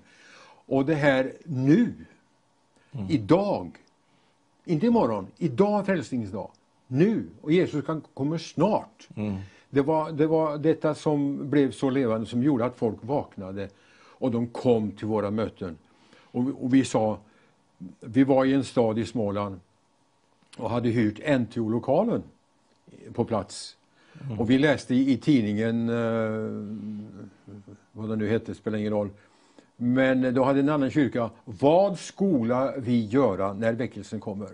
okay. Stod det. Ja. Det var deras ämne. Mm. När vi gick in med våra förstärkare och högtalare, då sjöng vi väckelsen är här. Mm. Den är här. Mm. Är Jesus här, då är också väckelsen här. Mm. Och när inbjuder man till frälsning idag? Det gör man ju inte. När inbjuder man till andedop idag? Mm. Det gör man ju inte. När inbjuder man att be för sjuka? Det gör man ju inte. Därför att man har satt sin tro på framtiden. Det ska komma framöver, det ska bli så fantastiskt. Och jag undrar ibland, eh, dessa väldiga proklamationer och dessa stora bönemöten man har och Sverigebönen, inget ont om det, ingen kritik. Jag bara ifrågasätter, var är då Gud någonstans eh, i, i, i, idag när man förkunnar det ska komma väldigt, och det är det vi ber om, att Gud ska mm. komma ibland oss. Mm. Om man importerar eh, kristna från Tanzania och Östafrika och, och man har väldiga bönesamlingar. Men som mm. Gud tittar i fönstret och säger, vad håller ni på med? Vet ni inte vad jag har sagt? Gå ut och predika evangelium för allt mm. skapat. Gör alla folk till lärjungar. Mm. Tänk om vi la ner mera tid på den biten mm. som vi verkligen ska göra och som är vår uppgift. Jag tror det skulle se annorlunda ut, för det har vi upplevt. Och jag, jag tänker på den tid jag kom till Göteborg här eh, på 70-talet, i Gilead. Och jag hade ju med mig den förnyelse jag upplevde då redan in, i Oslo med Samuelssons möten och Maranata. Det här. Mm. Och, och, och det, det levde jag, jag, lever, jag tror jag lever i det något sånär i alla fall än idag. Det är svårt att, att få ur det. Det, mm. det är mm. jättesvårt. Mm. Ränderna går inte ur. Det mm. finns där. Men när jag kom dit så sa jag Mårtensson, ja vi ska väl ta det lite lugnt då i början. Donald. Han tänkte väl att vi stormade på väldigt om Maranata på den tiden. Mm. Men, och jag hade ju en tanke på just det här att gå ut på uh, de olika områdena runt omkring Göteborg. Hisingen och, vi och Bergsjön och allt det här. Men så tyckte jag att vi borde ju komma igång lite bättre i, i, i, i församlingen först och främst, där vi är nu. Mm. För det var ganska stilla. Men vi hade väckelsemöten. Eh, programmet såg ungefär så ut att söndag förmiddag, vi börjar där, var det möte. Söndagskvällen var det möte. Måndagskvällen var det församlingsmöte. Tisdag var det bönemöte. Onsdag var det väckelsemöte. Torsdag var det bibelstudium. Fredag var det ungdomssamling. Lördag hade vi väckelsemöte och söndag förmiddag och så gick det hela veckan. Mm. Och vi förkunnade nu, idag, kan du bli frälst. Ta med dig någon kamrat, någon granne, någon vän. Ta med dig till mötena. Och när de kom till mötena med sina skolkamrater och, och sina vänner och, och, och bekanta, och, ja, eh, så satt de och hörde evangelium. Vi pratar inte om det som ska komma i framtiden, att det ska bli härligt framöver. Vi talar att idag hjälper Herren. Och det som var ett nyckelord hos oss i, i Maranataväckelsen på den tiden, det är fortfarande ett nyckelord för mig. Vi sjöng nu är det sälregnets tid. Mm. Nu! Mm. Inte imorgon, nu! Och om vi kommer tillbaka till det, om vi nu har kommit ifrån det, så behöver vi gå tillbaka, eller om vi är så långt tillbaka så vi måste fram till det. På något sätt så måste vi, som du säger, ta upp den förkunnelsen igen. Mm. Jag känner glöden, den, den, mm. det vibrerar hela kroppen igen. Mm. För det har vi också upplevt. Och om en mötena skulle vara härliga, det upplevde vi också i Maranata rörelsens första tid, att folk blev frälsta, inte varje möte, men ofta blev de frälsta. Mm. Men det var ju möten som var väldigt härliga, som vi säger, mm. men ingen blev frälst. Mm. Ingen blev frälst. Nej. Så vi kan inte, vi kan inte avgöra, liksom, utan det beror väldigt mycket på vad människorna väljer själva mm. när de hör. Jo, det är klart. Ja. Så om vi är smorda och andesmorda som Jesus själv som uppväckte döda, så finns det de som säger att han är besatt av en ond ande. Så det är inte säkert att det blir några härliga lösningar för det, för att det är kraftiga väckelsemöten. Och jag vill komma fram till det just detta, som du var inne och stryka under det, att evangeliet måste predikas. Korset, blodet, såren. Halleluja. Det som är grunden. Golgata kors. Det är det som är grunden. Jesu död, Jesu uppståndelse från de döda. Att han lever idag och vill frälsa idag och göra människor lyckliga idag. Det är det som är själva... Ja, nu kom jag iväg. Jag skulle intervjua dig, men jag fick predika lite också. Ja, det var härligt att höra, verkligen. Halleluja! Jag tror att om, om vi tar upp det här så har vi kan leva i det här, i den atmosfären. Nu ska det vara så trevligt och roligt och världstillvänt och, och, och, och, så mycket annat som jag inte vill ta upp nu. Men det är väldigt viktigt att vi får, kanske i det här programmet, inspirera mm. några andra evangelister och predikanter mm. att, att ta nya tag och göra det, vi, det Gud har kallat oss till. Mm. Christian Wennersen heter jag, en av programledarna för Vision Sverige. Just nu har vi en kampanj och eh, vi tänker på den här fantastiska berättelsen om Nehemja. Nehemja, han pratade med sin bror och man gnällde och klagade över hur dåligt tillståndet var i landet. Men Nehemja, han tog mod till sig, han började söka Gud och så fick han en idé. Herren ingav honom att vara med och bygga upp muren igen för Jerusalem som ett beskydd runt omkring staden för att den skulle kunna vara till välsignelse. Nu behöver vi ett beskydd. Vi behöver ekonomi som kan bygga upp kanalen TV Vision Sverige och vi behöver just din hjälp och min hjälp så att vi tillsammans kan, kan vara med och bygga upp genom att ge 500 kronor Tusen stycken givare skulle vara en fantastisk start och början och du kan också vara med. Vi tror att den här kanalen kan vara till ännu större välsignelse, att den kan utvecklas ännu mer för att dela evangeliet i den helige Andes kraft. Var med du också och ge 500 kronor. Ja, jag vill verkligen eh, uppmuntra er att vara med. Vi har lite ont om folk här ikväll så vi har faktiskt en man som sköter både kameror och annat. Så vi har ingen som svarar i telefon som vi känner till nu. Eh, det kanske vi får reda på sen när programmet är slut. Vi har ju de som svarar i hemmen. Det är ju mycket sånt arbete nu att de gör mycket i hemmen. Men så vi vet inte hur många som har ringt in och sagt, men det kan vi ju meddela imorgon då i, programmet hur många som kom in idag. Om vi inte kan ta med det på slutet här. Om vi kan få en, en uppsummering och vädjar till dem som har telefonvakt ikväll att de eh, samlar ihop. Och eh, att vi fick ett, eh, ett antal, ett stort antal, ett 30-tal som gav 500 kronor den här månaden. Ansvarig utgivare och tv-chefen för det här menade att vi måste nu göra ett speciellt upprop att få sådana som är med och stöder. Mm. Och tror du att det här har betydelse, bara det här programmet, så säk jag är säker om att du vill vara med. Därför att vi lever i en tid som eh, vi har citerat här, som det skedde på Noas tid. Så ska det ske vid Människosonens tillkommelse. Mm. Noa byggde på arken, förkunnade och det var bara åtta åtta som kom in i arken. Det var det. Men alla de andra, hur blev det med dem? Ja, de som var förhärdade redan, de blev, de blev inte frälsta. Men det står att de som gjorde bättring vid Noas predikan, mm proklamerade Jesus segern i dödsriket. Det är en ganska intressant sak. Mm. Men idag är frälsningens dag. Nu är den välbehagliga tiden.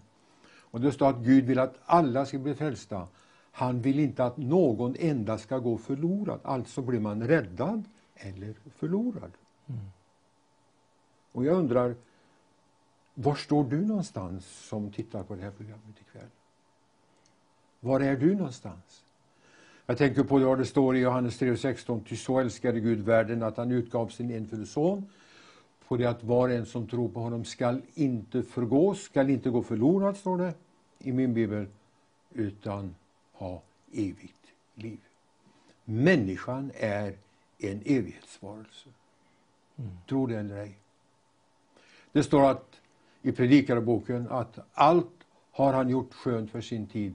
Ja, han har också lagt evigheten i varje människohjärta. Inte bara till en del, utan alla är evighetsvarelser. Så det kommer en uppståndelse för de troende när Jesus kommer och sen kommer en annan uppståndelse för alla andra människor vid mm. domen. Och det hinner vi kanske inte med att ta upp här ikväll. Men just detta att du kan bli frälst, räddad. Du behöver inte gå förlorad. Det är du som väljer. Gud säger kom. Jesus säger kom till mig. Och det står att det som tog emot honom gav han rätt att bli Guds barn. Det kan du göra. Här och nu i en enkel liten bön. Och varför inte säga med en gång förresten? Jesus, jag tar emot dig som min frälsare. Mm. Så börjar ditt liv för dig. Gör bättring, säger Petrus, och låt alla döpa eder. Då ska ni få som gåva den helige Ande. Det är det bibliska budskapet ikväll. Vi fortsätter och talar om det här, vad som sker när mm. Jesus kommer. Mm. Och vad, så, vad som ska ske med alla som inte tar emot. Mm. Ja, det, det, står ju, du nämnde ju Noa där. Om, Jesus tar ju fram just Noas tid och Lots tid när han talar om sin tillkommelse. Mm. Och som det skedde på Noas tid så skall det ske vid Människosonens tillkommelse. Och, och eh, det handlar ju om de, eh, de som då eh, var räddade genom marken eller på Lots tid.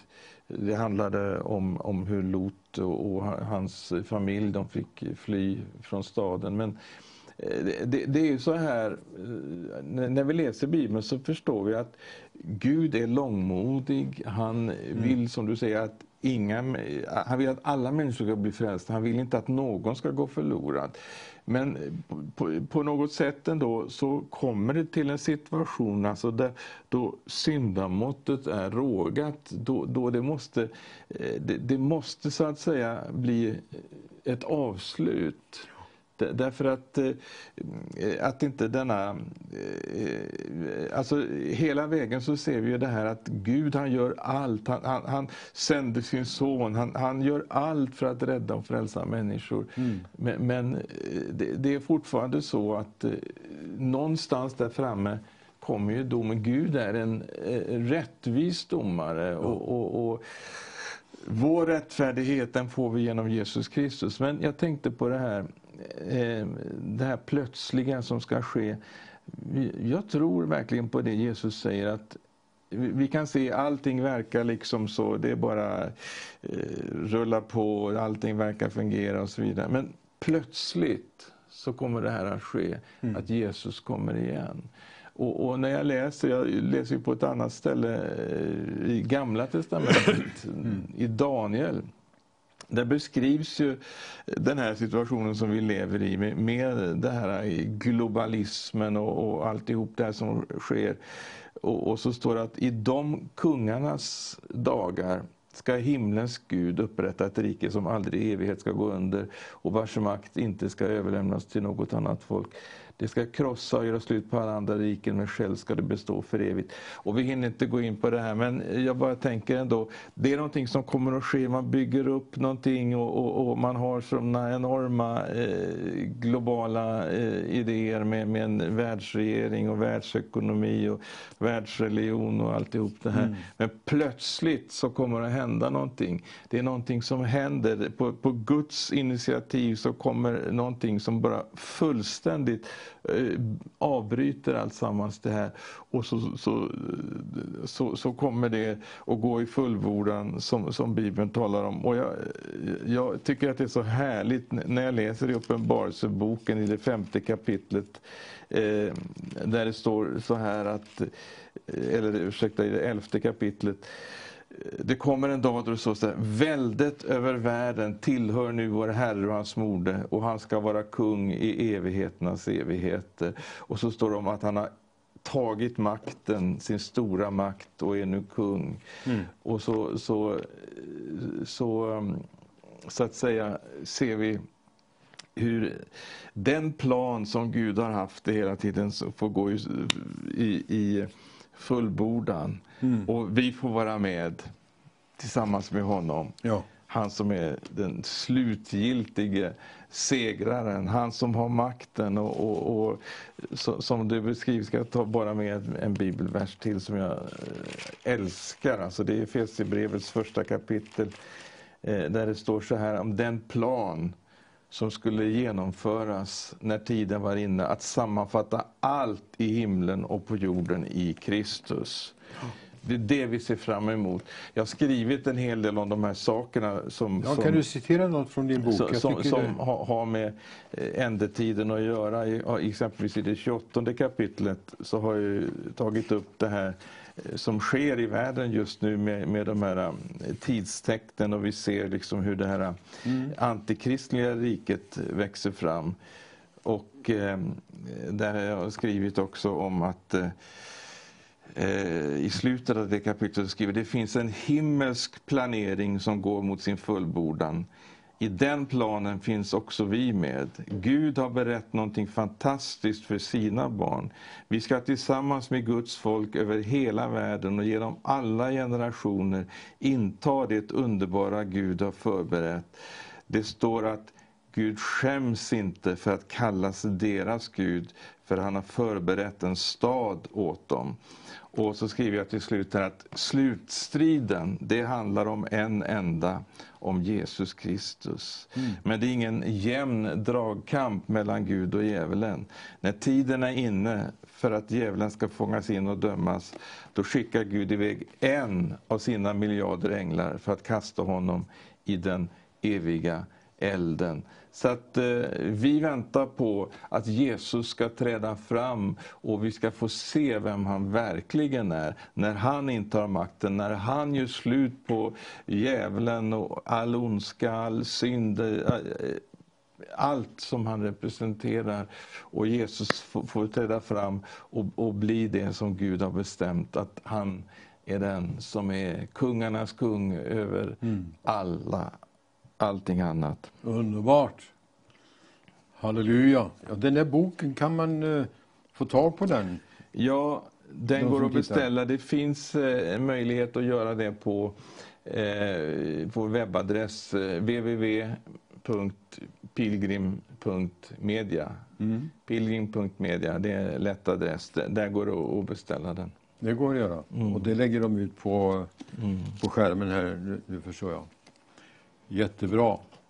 Eh, jag, jag, tänker då på det Paulus skriver här om just det här med en jordisk kropp och en himmelsk kropp. Vad som ska ske när Jesus kommer. Mm. Vi ska bli förvandlade och bli honom lika, säger mm. Eh, Johannes. Mm. Vi ska se honom som han är. Och när vi ser honom som han är, då ska vi bli förvandlade, bli honom likade. Äh, vi ska bli honom lika. Mm. Och eh, det säger Paulus här, det, jag tycker det är intressant om man kan ta tid att läsa Guds ord som vi har pratat om. Mm. Ifrån eh, första Korinthierbrevet 15.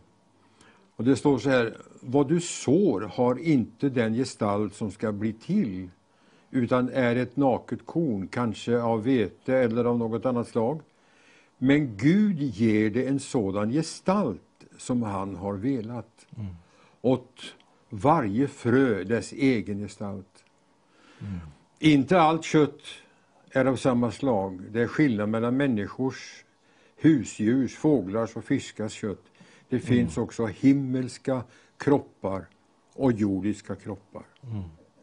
Och han säger så här, det sås en jordisk kropp och det uppstår en andlig kropp. Mm. Det är ett intressant uttryck. Mm. Eller hur? Ja. Det,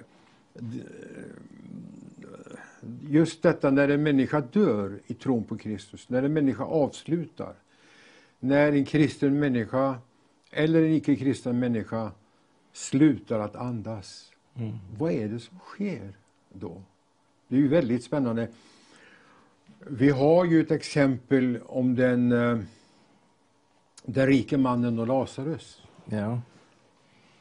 Och det är ju ett eh, väldigt skakande exempel egentligen mm. på eh, att man får en inblick på vad som sker bakom kulissen, bakom döden. Mm. Den rike mannen dog och blev begraven. Lazarus dog också. Mm. Och sen står det att de båda var vid medvetande mm. i dödsriket. Mm. Och speciellt Lazarus då, som vaknade upp eh, eller den rike mannen menar jag, som vaknade upp och säger Jag pinas svårt i dessa lågor. Mm. Tänk om det är sant att den där andliga kroppen på något vis eh, finns där och pinas. För vi får ju inte nya kroppar förrän Jesus kommer. När Jesus kommer igen mm. och vi har dött i tron, då ska vi, det som har dött i Kristus uppstå. Mm. Och vi får helt nya kroppar. Mm. Men i mellantiden, mm. intressant. Jag vet inte om du varit inne på det någonting speciellt? Jo, det har man. Men jag, jag måste säga att jag, har nog ingen bra det är svårt. förklaring. Ja, det är klart att Vissa det är frågor är svåra. Ja, det är det. bara erkänna det. Ja. Men det, men det står ju så här i, i första Thessalonikerbrevets fjärde kapitel eh, i, i den trettonde versen att jag vill att ni ska veta hur det blir med dem som har insomnat, står det. Det står inte mm. dött utan insomnat. Mm. Så att ni inte sörjer som de andra, de som inte har något hopp. Alltså det är väldigt skillnad här då, de, de som har dött i Kristus och de som inte har dött i Kristus. Eftersom vi tror att eh, Jesus har dött och uppstått så ska Gud på samma sätt genom Jesus föra fram de insomnade tillsammans med honom. Eh, och så säger han så här, vi säger er detta enligt ett ord från Herren. Vi som lever och är kvar eh, fram till eh, Herrens ankomst. Alltså Paulus han trodde ju att han skulle få vara med om att Jesus kom igen. Mm. Så han talar om eh, vi som är kvar ja. till Jesu alltså, ska alls inte komma före de insomnade. Men så ska det ske, ske någonting. Det ska, ske, det ska bli ett, en ärkeängels röst och en Guds basun. Och, och sen ska de, först ska de som har dött i Kristus, står det här, mm. uppstå. Sen ska vi tillsammans med dem ryckas upp bland skyar för att möta Herren. Så att eh, det blir spännande. Tänk att alla de som har dött i Kristus, alla de som eh, vi kan ha saknat, men de som också finns där längre bak som vi aldrig någon gång har långt, träffat. Långt, långt, ja, långt, men långt, de som vi har läst om här i boken och, och, och, de som vi har hört om historien, de som på olika sätt har tjänat Gud i sin generation de ska stå upp och så ska vi tillsammans med dem. Alltså det, det här, det är så stort, det går ju liksom inte att omfamna det här. Va? Men, men, det är någonting väldigt stort som ska hända. Ja, det, det handlar om det eviga livet liksom. Mm. Evigt liv ska han ge åt alla. Och det börjar här redan, det här livet. Det avslutas ju inte i och med att eh, vi lämnar kroppen. För jag menar, det själen och, och anden kan man säga hör väldigt samman mm. som en enhet. Men själva kroppen är ju lagd under förgängelsen. Mm. Och den somnar in. Men vi så som person, vi har ju bott i den här kroppen. Mm. Jag, jag undrar, det finns ju folk som kan rätta till oss om vi får en andlig kropp redan. Eh, Gud kan göra vad han vill. Han, mm. han är ju suverän på alla områden. Mm. Så vad han har tänkt, ja det står ju faktiskt det att uh, vad inte en människas tanke har kunnat tänka. Mm. Vad inte ett öga sett och inte ett öra hört. Mm. Det har Gud berättat åt dem som mm. älskar Ja, jag, jag, älskar den bibelversen, jag citerar den ofta. Alltså, Gud, alltså Guds, eh, eh, det Gud har bestämt för oss, mm. det, det, det, står, han vill göra långt mer. Vi, vi, vi tänker, vi, men Gud vill mycket mer. Mm. Och, och, när han liksom bara Alltså jag, jag, tänker på det här, vi har fått en pant av anden och vi har upplevt Guds härlighet så många gånger. Men hur ska det inte bli att få alltihop? Mm. Eller när det står, vi har, vi har liksom upplevt Jesus, men det står att vi ska se honom ansikte mot ansikte. Och allting liksom bara ska, den här härligheten ska slå ut i sin fulla kraft. Alltså, mm. det, det, det, är så oändligt. Det, det, ja. ja, det, det är oerhört det, och, och det, det, är det som också då, så stor som den härligheten är, lika fruktansvärd är ju, är ju det när man då inte så att säga har tagit emot Jesus, när man inte har tagit emot erbjudandet till frälsning som Gud ger. Mm. Det, det, det, det, beskrivs ju också på ett fruktansvärt sätt. Så det är så viktigt att vi gör vår sak klar med Gud och Amen. att vi, vi, vi blir tvättade rena i Jesu blod och är redo att möta honom. Mm. Han har, eh, vi blir frälsta nu men så kommer också en slutfrälsning. Ja. Och, och, och, då vi liksom får gå in i det fullkomliga som Gud har berättat och ja. se hur stor den här frälsningen är. Absolut. Och detta att det sker en, en verklig förvandling mm. med en människa som blir frälst. Det sker mm. ju en förvandling i mm. sinnet och mm. det är ju en andlig process som startar och, mm. och, som, och som sedan eh, ska växa i härlighet om man inte kväver det på något sätt.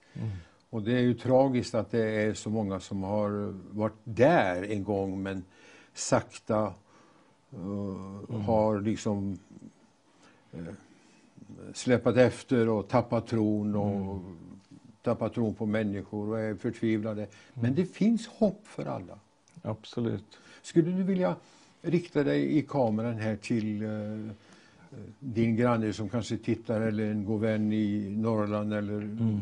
någon helt okänd människa. Mm. Att ge dem en inbjudan och be tillsammans mm. att, uh, att, att de kan ta emot Jesus och bli mm. frälst. Mm. Ja, jag, jag vill gärna verkligen det, det, står att vi, vi får bära det här budskapet om Jesus Kristus.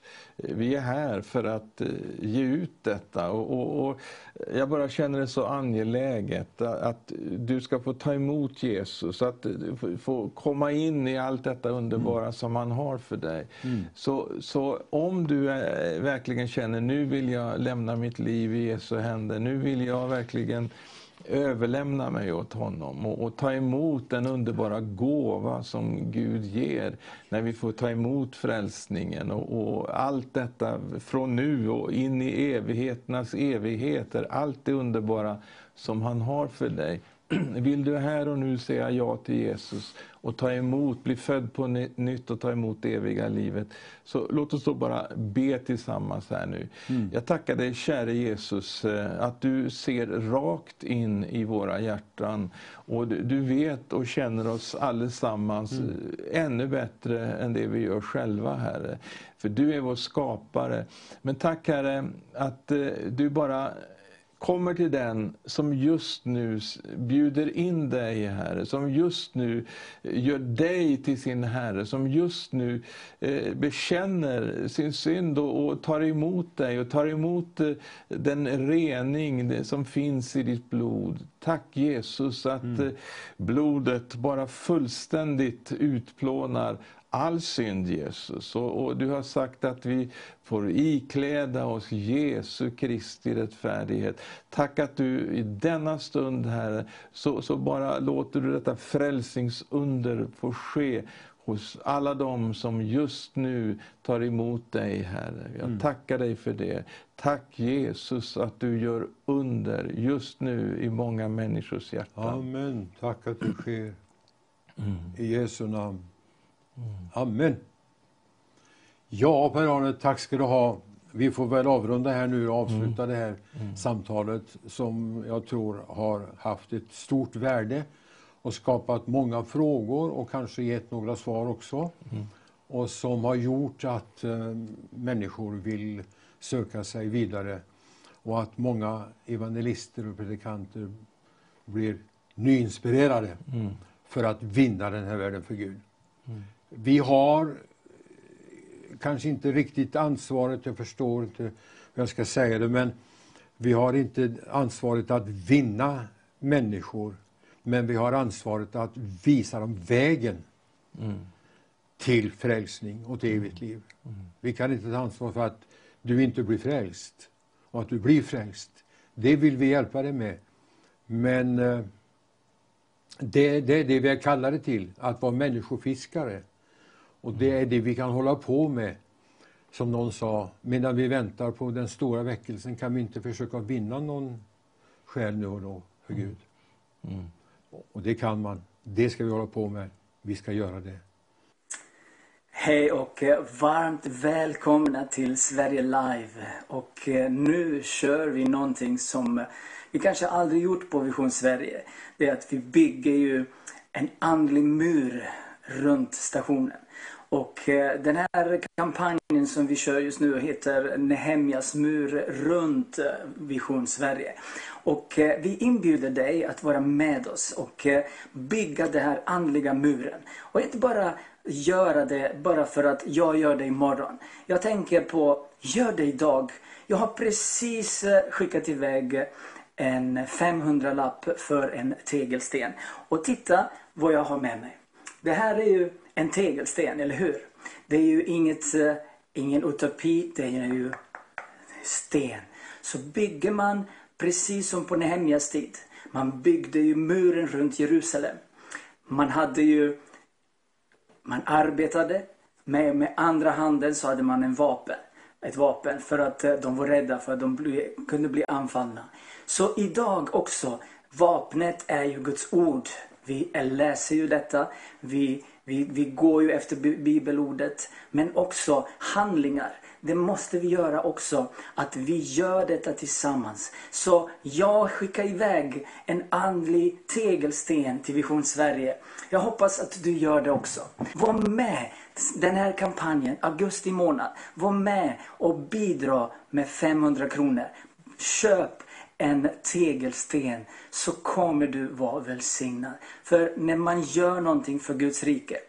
Nehemja kallade upp eh, människor som dig och mig. Han sa, är ni villiga? Vill ni göra det? Det är ingen press, det är ingen stress. Så samtidigt som också idag, så många år sedan, så säger vi till dig, det är ingen stress, det är ingen press. Men om du vill så kan du, du ser ju numret på skärmen. Du kan swisha, du kan eh, skicka genom plusgiro, bankgiro, du kan vipsa om du är från Norge. Men var med. Vi behöver tusen människor som köper en tegelsten. 500 spänn. Är du med oss? Tack så jätte, jättemycket. Gud välsigna dig. Vi behöver bara 999 kvar. För jag skickar iväg en just nu. Var välsignad. Hej då. Ja, jag hoppas verkligen att du fick den eh, information som du väntade dig ifrån Soran här och att du vill vara med och göra en insats. vill du det. Det är på viljan det beror. Och eh, du kan dela upp din gåva på, eh, i två delar, eller tre delar, eller fem delar om du vill. Bara du är med och ger en 500-lapp för en sten, för att använda den bilden. Det behövs verkligen. Och eh, jag sitter här nu tillsammans med Lennart Elmyr. Välkommen Lennart till eh, studion. Ja, tack för det. Det är inte första dagen vi träffas. Nej. Vi har ju ett förflutet eh, när det gäller samarbete i Guds rike och du var ju anställd i Pionjärmissionen eh, mer eller mindre i fem år eller någonting sånt där. Och Ja däromkring och så har du varit med i konferenser och spelat och vi har gjort inspelningar på TV. Och eh, jag tänkte just här att eh, vi pratar just om tillbaka i tiden när eh, kristen, kristna program började här i Göteborg. Jag vet att Södermalmskyrkan hade en period då de sände lokalt uppe, men de slutade. Och eh, jag fick väl en kick där och inspiration när det gäller just kristen TV. Därifrån, bland annat. Och eh, 1990 så började jag med program. Jag köpte en kamera, köpte ett par lampor, satte upp, spelade in mig själv och gick ut på öppna kanalen. Som det hette då i Youtube. Nej, det hette, det hette inte öppna kanalen då utan det hette Kollevisionen. Kollevisionen hette det här. Och en dag, en dag så ringde jag till Kollevisionen. Och så eh, för att fråga om något vad det var. Olsson? Jaha, jag heter Donald Bergagård och skulle prata med någon som är ansvarig på Kollevisionen. Ja, så är det du Donald, säger han då. Ja, vem är du då? Ja, jag är ju, jag är ju Loket, sa han. Loket, känner du inte Loket? och vi var ju tillsammans i en dragspelsfestival för en tid tillbaka utanför Borås där och kommer du ihåg det? Ja, visst, ja, kommer du ihåg det? sa jag. Ja, du sa han, spelar ni Spelar du och sjunger de här sångerna som Sparring gjorde och Pärleporten och Barnatro och Ovan där och de här? Ja, visst. Ja, men kan inte du komma då till eh, Kollevisionen? Då hade han Bingolotto lokalt här i Göteborg. Och jag tror du var med och spelade den gången. Vi var ett gäng, Lars och du och vi gjorde en livesändning med i Lokets lokala Bingolotto. Ja. Så jag var väl egentligen den första evangelisten i Sverige som hade egna tv-program. Det låter lite, lite skryt kanske, men det är bara att, att så var det. Samma år startade Kjell Gustafsson på Symbol också tv. Jag gjorde mina inspelningar själv först och sen gick jag till, till Symbol och spelade in tv. Sen köpte vi in mera grejer och vi började spela in och Lennart Elmyr kom till oss och eh, tog hand om inspelningar och redigering och sändningar. Allt det där var fantastiskt arbete han gjorde. Och vi ska inte prata så mycket om det, men jag är väldigt tacksam. Och sen fortsatte du med inspelningar och har gjort många tv-program, bland annat eh, för lokala tv här och, och kanal 10 också tror jag. Jajamän, vi gjorde fortsättningen på, som du sa, Kollevisionen. Det blev ju öppna kanalen i Göteborg. Ja, Så vi gjorde ju många program som sändes där Ja. och på kanal 10. Och under de åren som jag liksom jobbade ho- hos dig i Pionjärmissionen på heltid, när, när vi sände som mest liksom, i Pionjärmissionens regi, så att säga, då, då gjorde vi fem program i veckan som skickades ut till olika stationer. Det var Göteborg, så var det Jönköping, så blev det Stockholm, så blev det Oslo och så blev det Halden också i Norge. Ja. Så jag minns, och det var fem olika program, man fick liksom göra dem och skicka iväg dem. Ja. Jag kommer jag, jag gjorde dem där, eh, ja, redigerade, klippte och satte ihop dem så. Det, det var en härlig tid och det bar mycket frukt. Du fick ju lite träning hos mig. Där. Du, du är ju min lärare från, från början. Jag kunde, inte, jag kunde inte så mycket då heller, men eh, när man håller på med en grej så lär man sig efterhand. Ja, alltså, när du sa så här till mig, ja, då ska du göra tv-program. Då blev jag alldeles byxis måste jag säga. Göra tv-program, jag har ju inte ens ägt en kamera. Ja, du, du lär dig. Och så visade du mig lite smått sådär, bit för bit. Va? Ja. Och så, ja, man hade spelat in lite med bandspelare och sånt där men så växte det bit för bit. Och, och, ja. Ja, vi hade ju kassettmission, vi spelade in kassetter och, på konferenser och, och så här också. Det skötte ju du en hel del också, Ja, de inspelningarna. jajamän, det var ju högtryck när vi, eh, när vi gjorde det där. Både ljud och bild men också kassetter. Och de, eh, de mötena, vi, konferenserna vi hade i Timmersdala, jag hade tänkt, jag glömde bort, jag hade tagit med en bild, en eller några bilder just ifrån eh, våra konferenser i Timmersdala som vi hade i cirka 20 års tid, var det väl, Ja. varje sommar. Ja. Från 70 till framöver då. Vi flyttade sen till Småland och Brikstad och så vidare och sen fick vi inte vara där och då liksom dog det ut. Men eh, Timmersdala var en utav de största konferenserna, sommarkonferenserna, förutom Nyhem, Lapplandsveckan och eh, eh, vad heter den eh, i, utanför Kumla, den här eh, midsommarkonferensen. de hade där. Torp? Torp, ja. Ja. Det var ju de tre stora. Och sen var det ju då vi och sen Kärrsjö, Erik Gunnar Eriksson. Och så hade vi eh, gemensamt, den var ju jättestor, vi hade två stora tält i Rättvik. Vi hade Ja. ju tusentals människor. Jag tittar på en bild häromdagen som jag har i min bok. Eh, vi hade tre tält i Timmersdala en gång. Efter varandra, knyta ihop så. Och fullt av folk. Och vi hade ju den här enkla sången och raka förkunnelsen. Folk blev ju frälsta där. Och, och vi döpte dem i sjön Lången där. Vi hade dopförrättning varenda sommar. Jajamän. Jajamän. Och vi hade auktioner på grejer och samlade in pengar till missionen. Och det var Ja. fantastiska t- tider. Ja, Man skulle önska att man hade spelat in lite mer utav video på den tiden, men det var inte så aktuellt då. Nej, det hade väl inte riktigt kommit igång. Det var några enstaka möten tror jag vi spelade in. Eller, det är nästan lite innan jag började med Ja. att bli bakom kameran om man säger så, och bakom ljudet. Men eh, Vi hade en journalist, finns det ju. vi hade en journalist som jobbade på en tidning i, i, Hässleholm.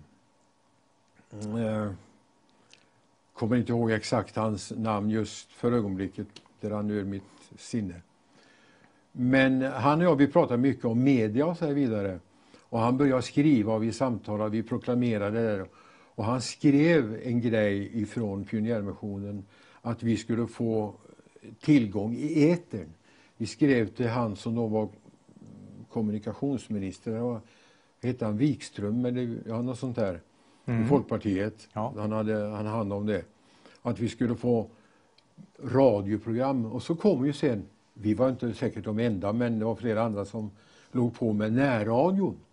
Ja. Så jag var med, eh, eller konferensen och, och, och vi var med och, eh, och pressade fram, kan man säga, närradioidén. Ja, tänk. Vi Ja. var i alla fall en kugge i hjulet, kommer jag ihåg. Ja. Vi var nog inte de enda, utan det var nog en, en större krets som höll på med det där. Men så fick vi ju tillgång till radion då och sen kom ju då öppna kanalen och tv och så vidare. Just Och det. idag har det ju tagit en väldig fart. Så när man tittar tillbaka så är det utav en eh, intressant kyrkohistoria faktiskt som ligger bakom. Och Jajamän. även du och jag har delat den gemenskapen. Ja, och när du säger radio så gjorde vi ju ett par, tre radioprogram i veckan tror jag. Ja. Tre eller fyra. Om du kommer ihåg, vi hade Eh, ett program med predikan mitt på dagen. Och eh, så hade vi något på morgonen och sen körde vi ett på engelska, Southern Gospel eller någonting. Jag minns du, du vände dig till engelskspråkiga Ja, och vi spelade in och du pratade engelska i det programmet också, kommer jag ihåg. har du. Ja, Ja, vi gjorde ju, jag hade ju radioprogram när vi flyttade då till Kalifornien då på eh, 75. Så hade jag ju kristna radioprogram där på en av de här stationerna där. Ja. Och hade också tv-program lokalt där. Men i och med att vi reste så mycket då till Sverige och eh, vi var ju här då i eh, juni, juli, augusti och, sen skulle barnen börja skolan igen. Och vi hade konferenser och tältmöten så det var ju svårt att följa upp och hinna med allt ja. det- i, i, den biten. Men det ligger faktiskt en väldigt intressant historia som vi egentligen inte hade planerat att prata om nu. Vi ska ju höra om eh, tiden innan du började. Mm. Eh, jag är så glad att eh, Lennart Elmyr sitter här tillsammans med mig och vi får pratas vid om gamla minnen samtidigt som vi vill eh, liksom lyfta fram vad, vad, vad vi har varit med om och, och vad vi har tjänat Gud. Men eh, Lennart har inte alltid varit eh, en kristen och engagerad i Guds rike. Han har ett förr och ett nu, som han sa alldeles nyss. Det finns ett förr och ett nu. Och jag ville att, att eh, Lennart skulle berätta lite om just eh, hans bakgrund. Han är ju vad jag förstår född i Göteborg här och så vidare. Och du kan väl ta därifrån eh, söndagsskola, fanns det i din värld eller möten? Berätta lite om din bakgrund. Ja, jag är ju göteborgare som du sa det hörs väl antagligen. Mm. Har bott här hela mitt liv. Mm. Eh, Men jag får säga så, det var en som sa, har du bott där hela ditt liv? Nej, inte ännu, får man säga då. Nej, det är ju lite kvar. Men i alla fall, eh, jo, jag växer upp. Jag får säga, jag hade ett bra hem som liten. Ja. Mamma, pappa och en syster. Och jag kommer ihåg att eh, vår mormor bodde ihop med oss de första åren också. Så, eh, men vi hade det gott där och eh, ja, kärleksfullt och fint hem så. Det var ingen så säga, direkt bekännande kristendom men föräldrarna gick till statskyrkan nu och då och det gjorde vi också. Och det som du sa, söndagsskolan. Jo, jag gick i söndagsskola. Det gjorde ju inte alla barn men eh, föräldrarna satte oss där och för oss var det naturligt då. Ja. Så det gjorde jag i några år. Jag kommer ihåg man på jularna när det var julavslutning, fest, så fick man eh, eh, läsa i kyrkan.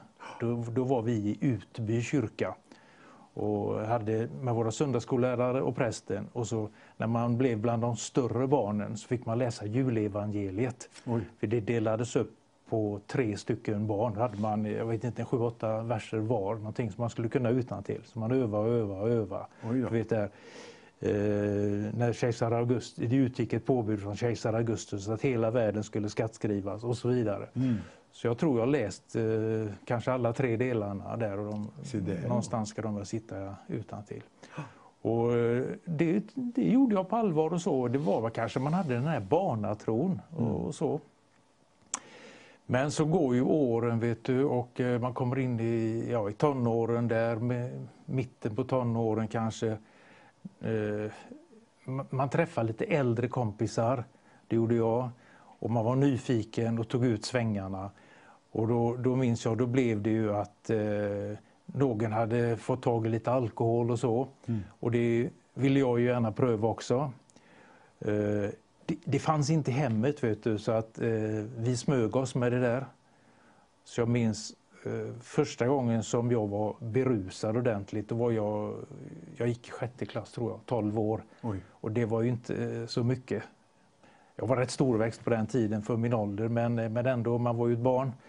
Och jag minns, jag tänkte så här, eh, för det var väl på en lördag om jag minns rätt som vi, eh, som vi drack till då. Och eh, jag tänkte när jag kom till skolan på måndag, undrar om min fröken, min lärare kan se detta på mig, vad jag gjorde i helgen här. Men det, det kunde hon ju naturligtvis inte, vad jag hade gjort två dagar tidigare. Nej. Och, och jag minns liksom hur tankarna gick så här, kan man bli beroende av sånt här? Kan man bli liksom alkoholist som de säger? Det var så långt, långt borta att man skulle kunna bli det. Det var ju bara en gång, en kväll och sådär. Mm. Sen eh, så, jag tyckte det var roligt i alla fall och så kommer man i högstadiet, sjuan, åttan, nian och eh, då var det ju lätt att få tag i mellanöl som du vet, som såldes till och med i speceriaffärerna på den tiden, mataffärerna. Och eh, det blir lite mer av den varan och lite mer och, och, mycket mer och så. Så att, eh, och, jag, jag, på något vis så jag tyckte om att vara lite lullig om man säger så. Bli berusad, du vet Ja. och så. Lite salongsberusad. Jag hade ju inga problem i livet på det sättet. Så jag skulle inte döva någonting och jag var så ung också. Men det var roligt att bli lite glad och galen och, och sådär va, uppspelt. Och så blev det och det blev mer och mer och mer så att eh, så ihop med rökande och, och sen kom snusandet in och så jag höll på med allt det där. Och det slår ju sina klor igen. Ja. Och jag minns ju då att eh, det blev ju så mycket så att jag hade, eh, jag hade sett fram emot den dagen när man skulle bli myndig. Det var väl 21 eller 20 år då. Och eh, då skulle man ju få gå på Systembolaget liksom legalt och handla. Men när den dagen kom, då var jag redan så trött på alkoholen. Det var inget nytt och, och spännande för mig. Så jag, jag tror jag gick in med för syns skull, för att få visa legitimationen. Jag köpte mig en starköl eller två. Och så. Men jag hade redan druckit så mycket då och var, var eh, rätt så beroende och törstig och eh, ja, sliten av det redan då. Kan Du säger det, det var ett beroende, Ja. du måste ha det varje helg då eller? Tankarna går dit mer och mer och mer och mer. Ja. Och eh, jag var nog inte mer än 17, ja, 16-17 år när jag började känna av sådana där riktiga bakrus. Du Mm. vet så att man, eh, ja, jag, kunde, jag minns jag kunde inte äta och jag bet i någonting så började jag må illa och jag förstod att det är ju detta. He- Helgen visar ju sig nu va, när man kom på jobb på måndag morgon och sånt där. Och, Så att eh, det slog sina klor igen, tankarna gick till det och man såg fram emot helgen, du vet fredag, lördag och så. Man låg ju till som man sa lille lördag, det var onsdag. Så det var väldigt mycket eh, alkohol och så. Och det, det är kanske inte så mycket att berätta och massa eh, historier från, från det livet och från den tiden. Men det blir mer och mer och mer och mer. Sen i alla fall så eh, kontakten med, med, säger, med levande kristendom och kristna, levande kristna människor. När vi var runt 20-årsåldern så var det en, en kamrat till mig som de sa att Lasse har blivit frälst. Jaha. Och eh, man hade ju, jag menar man är ju ändå i 20-årsåldern så man förstår ju lite granna. Och eh, han liksom försvann ifrån gängen och vi såg honom inte på en tre, fyra månader. Och det är ganska länge vet du, när man är i 20-årsåldern sådär va. Och när han kom tillbaka liksom och visade sig igen, då var det en fullkomligt ny person. Det det. Som, ja, han, alltså han hade en sån utstrålning, du kände en atmosfär metervis runt honom. Han har till och med fått en snäll röst tyckte jag. Han, han lät så snäll och, och med blicken det här vet du. Och då, då kände jag att oh, wow, han har någonting som jag vill ha, som jag behöver. Och, vad- men man kunde inte riktigt få tag i det. Vad är detta? Liksom? Ja. Och jag visste han, han berättade och vittnade. Han gick inte på med massa stora ord, men det var så fort han sa någonting så lyssnar man. Varför man vill ha tag i, vad är det du har upplevt? Och då berättade han att Jesus han bor i mig. Och wow. Och han fullständigt kom bort ifrån sitt gamla liv med alkohol och vad han hade hållit på med också. Ja. Och var, var alltså en, en ny skapelse. Han var, också, jag. han var alltså alkoholist och helt slav under det? Eller? Jag vet, mindre? ja, jag vet inte. Jag, jag, han kanske inte var det, men han, han festade ju som ungdomar i alla fall. Ja, ja, det okej. gjorde han. Och sen kanske inte var så sliten och nedgången på. Nu när jag tänker tillbaka, jag menar då är vi i 20-årsåldern och jag kanske han tog väl ut svängarna mer, men jag höll väl på oftare, om vi säger så. Då. Ja, ja. Ja. Och eh, vi kan säga så här att jag var så pass sliten så när han kom och vittnade och berättade så ville jag gärna lyssna på honom. Samtidigt så var det ju lite salt i det här, du vet att det blir lite närgånget och det, man börjar förstå att det, du behöver göra omvändelse också. Du kan inte gå på och ha både och liksom och leva kvar i det gamla och få tag i, i något nytt härligt eh, liv med Jesus eller ett gudsmöte så. Utan, och det, det börjar man ju förstå. Va? Att, ja, ja. Så, eh, men jag var ändå så pass trött på det livet och verkningarna utav alkohol. Det var an- andra droger jag hade hållit på med också. Så eh, vi bad frälsningsbön. Han började undervisa mig. Jaha. Så att, eh, ja då. Och han började åka på Nyhemsveckan och gick, han blev döpt till Smyrnakyrkan i Göteborg. Här. Ja. Och eh, började berätta om, då, om den helige ande som har tagit sin boning i honom. Han gjorde egna traktater och ritade röda hjärtan och vita duvor och eldsflor. Ja. Allt möjligt. Va? Jaha. Och jag begrep ju liksom inte allt i den där symboliken men eh, jag såg ju på förvandlingen i hans liv. Och dessutom var han liksom en av oss. Det var inte någon som kom utifrån och prackade på någonting utan jag visste precis hur han hade levt och tänkt och gjort innan. Så man kunde liksom identifiera sig med, med en ungefär jämnårig kille. Och jag blev väldigt sugen på att få tag i det han hade. Och i alla fall, han började lära och undervisa mig och eh, jag ville ju ifrån det gamla livet som jag hade då. Var det du och han då eller var det någon mer Vi involverad? var många. Vi var många. Som han hade kontakt med samtidigt eller? Ja, han började ju vittna och berätta för flera. Det gjorde han. ja. Det gjorde han. Men vi var många i gänget och, och det var inte så många som ville gå den kristna vägen. Nej, nej. utan de flesta ville nog vara kvar och liksom gå sin egen väg. Så var det väl också. Mm. Vi- Jag menar, vi var många i, i, i det stora Ja, gänget förstår. runt omkring. Men eh, det blev en liten väckelse, får jag säga, runt honom. En väckelse är ju egentligen inte liten när människor kommer till tro, men Nej, det är det blev några stycken. Han vaknade. Ja. Ja, det blev några stycken. vet du. Och eh, Jag kommer ihåg att jag jag hade tagit emot Jesus. Jag, vi hade bett frälsningsbön, men jag tycker det hade liksom inte hänt så mycket i livet. Det var lite jobbigt ändå. Mm. Och eh, så började han undervisa mig om dopet, dopet i vatten. Och sa att eh, det är ingenting att vänta på nu utan du har ju tagit emot Herren. Jag tror du ska döp, bli döpt i vatten också. Jag började tänka på det. Ska jag bli döpt i vatten? Ja. Och jag fick ju undervisning så att jag hade liksom inga tvivel på att det var rätt väg. Du visste inte vad det var då eller Nej, början? Inte, inte det här med troendedop eller vuxendop, det visste Nej. jag inte. Men jag visste ju att han hade blivit döpt. Och eh, han sa, så, Jesus säger så och så i Bibeln, att den som tror och blir döpt ska också bli frälst. Och så. Så att då gjorde jag ett eget eh, ställningstagande kan jag säga, att jag ska göra det. Och gick och pratade med pastorerna i kyrkan, det var i Smyna då, Mm. efter den undervisning jag hade fått. Och då ville jag vara noggrann med att det skulle vara liksom mitt beslut och min grej. Så att det var några andra han också hade vittnat för, men jag berättade det inte med en gång för dem. För jag tänkte att, liksom att då- kommer vi liksom som ett gäng kanske, även om vi bara är en par, tre, fyra stycken. Så att vi gör utan det får vara mitt beslut för mig. Och eh, jag pratade med pastorerna där och jag fick ett, ett doptillfälle och jag blev döpt i vatten i Smyna. Mm. Och eh, jag var ganska trasig på den tiden så att jag måste säga att dopet var ingen härlig stund för mig. Det var det inte. Men jag var ju döpt och han hade ju undervisat mig om det här då att eh, då har du på ett speciellt sätt löfte om att få den helige ande också i ditt liv. Så att jag väntade ju på någonting. Jag vet inte riktigt vad jag väntade på. För det var en ny erfarenhet. Men du har det löftet.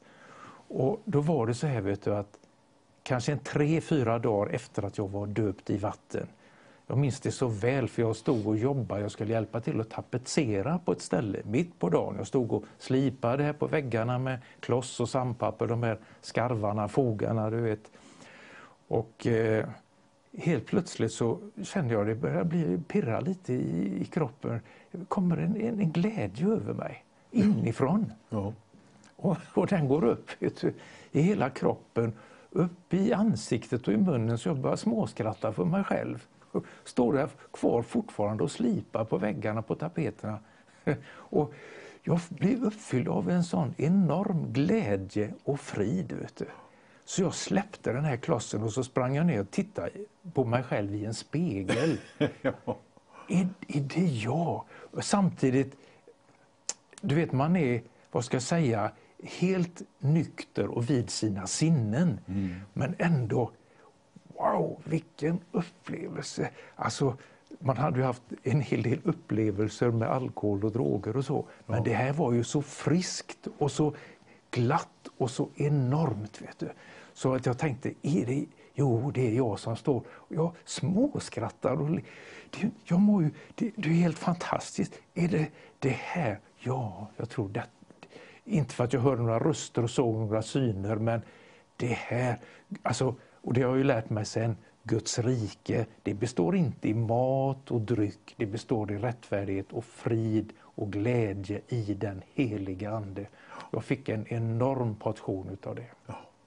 Fantastiskt. Ja, det var Det, helt underbart. det ser man hur Gud, det växte fram. Ja, Man behövde inte, du behövde inte kämpa igenom utan du, det, Gud såg att nu passar jag på och fyller honom här med ja, och ger honom det han egentligen behöver och ja. ett, ett tillskott kosttillskott. Ja, ja precis. Precis, det är bra sagt. Ja. Ja, precis det man behöver, ja. Ja. Just det, så var det. Han mättade ett behov, alltså tog bort all den här oron och eh, jag menar, jag var ju nykter då, det var jag, så att, Ja. eh, och det hade jag ju varit en tid. Men eh, alltså, den där oron och vad ska jag säga, ångest och illamående eller sånt var helt borta. Det var frid, glädje, harmoni. Mm. Och det var ju så att det syntes. Och jag vet ju folk som, gamla kompisar som träffade mig Ja. på den tiden om man säger så. Mm. Eller när man blev så uppfylld så Wow, vilken blick du har, var det en kompis som sa. Ja. Och det var någon annan som sa, Lennart har blivit frälst. ja. Så jag behövde inte ens säga något egentligen. Nej, du, då, Och det var lite av, det den, ja, lite av den atmosfären och, och det som jag såg på min gamla kompis. Alltså, det här var ju enormt. Ja. Så att... Eh, ja, Jag jag minns, att, att, jag minns att du berättade en gång, du, du talar med Gud om just eh, dina begär och det här och du, eh, att han skulle lösa dig från eh, alkohol och röka och snuset bland annat. Och när du la dig på kvällen och nästa morgon så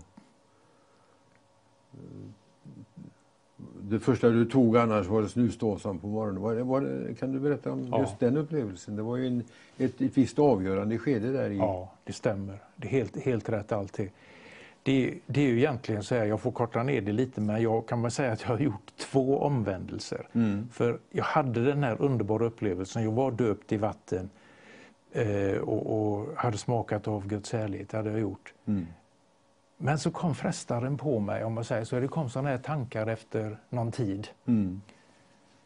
Jag vet inte hur länge, men vi säger eh, ja, ett år kanske jag var med på, på den kristna vägen. Men så kom det tankar. Du kan väl gå och ta dig en kall öl någon gång? Så det, det är väl kanske jag kan göra, tänkte jag. Mm.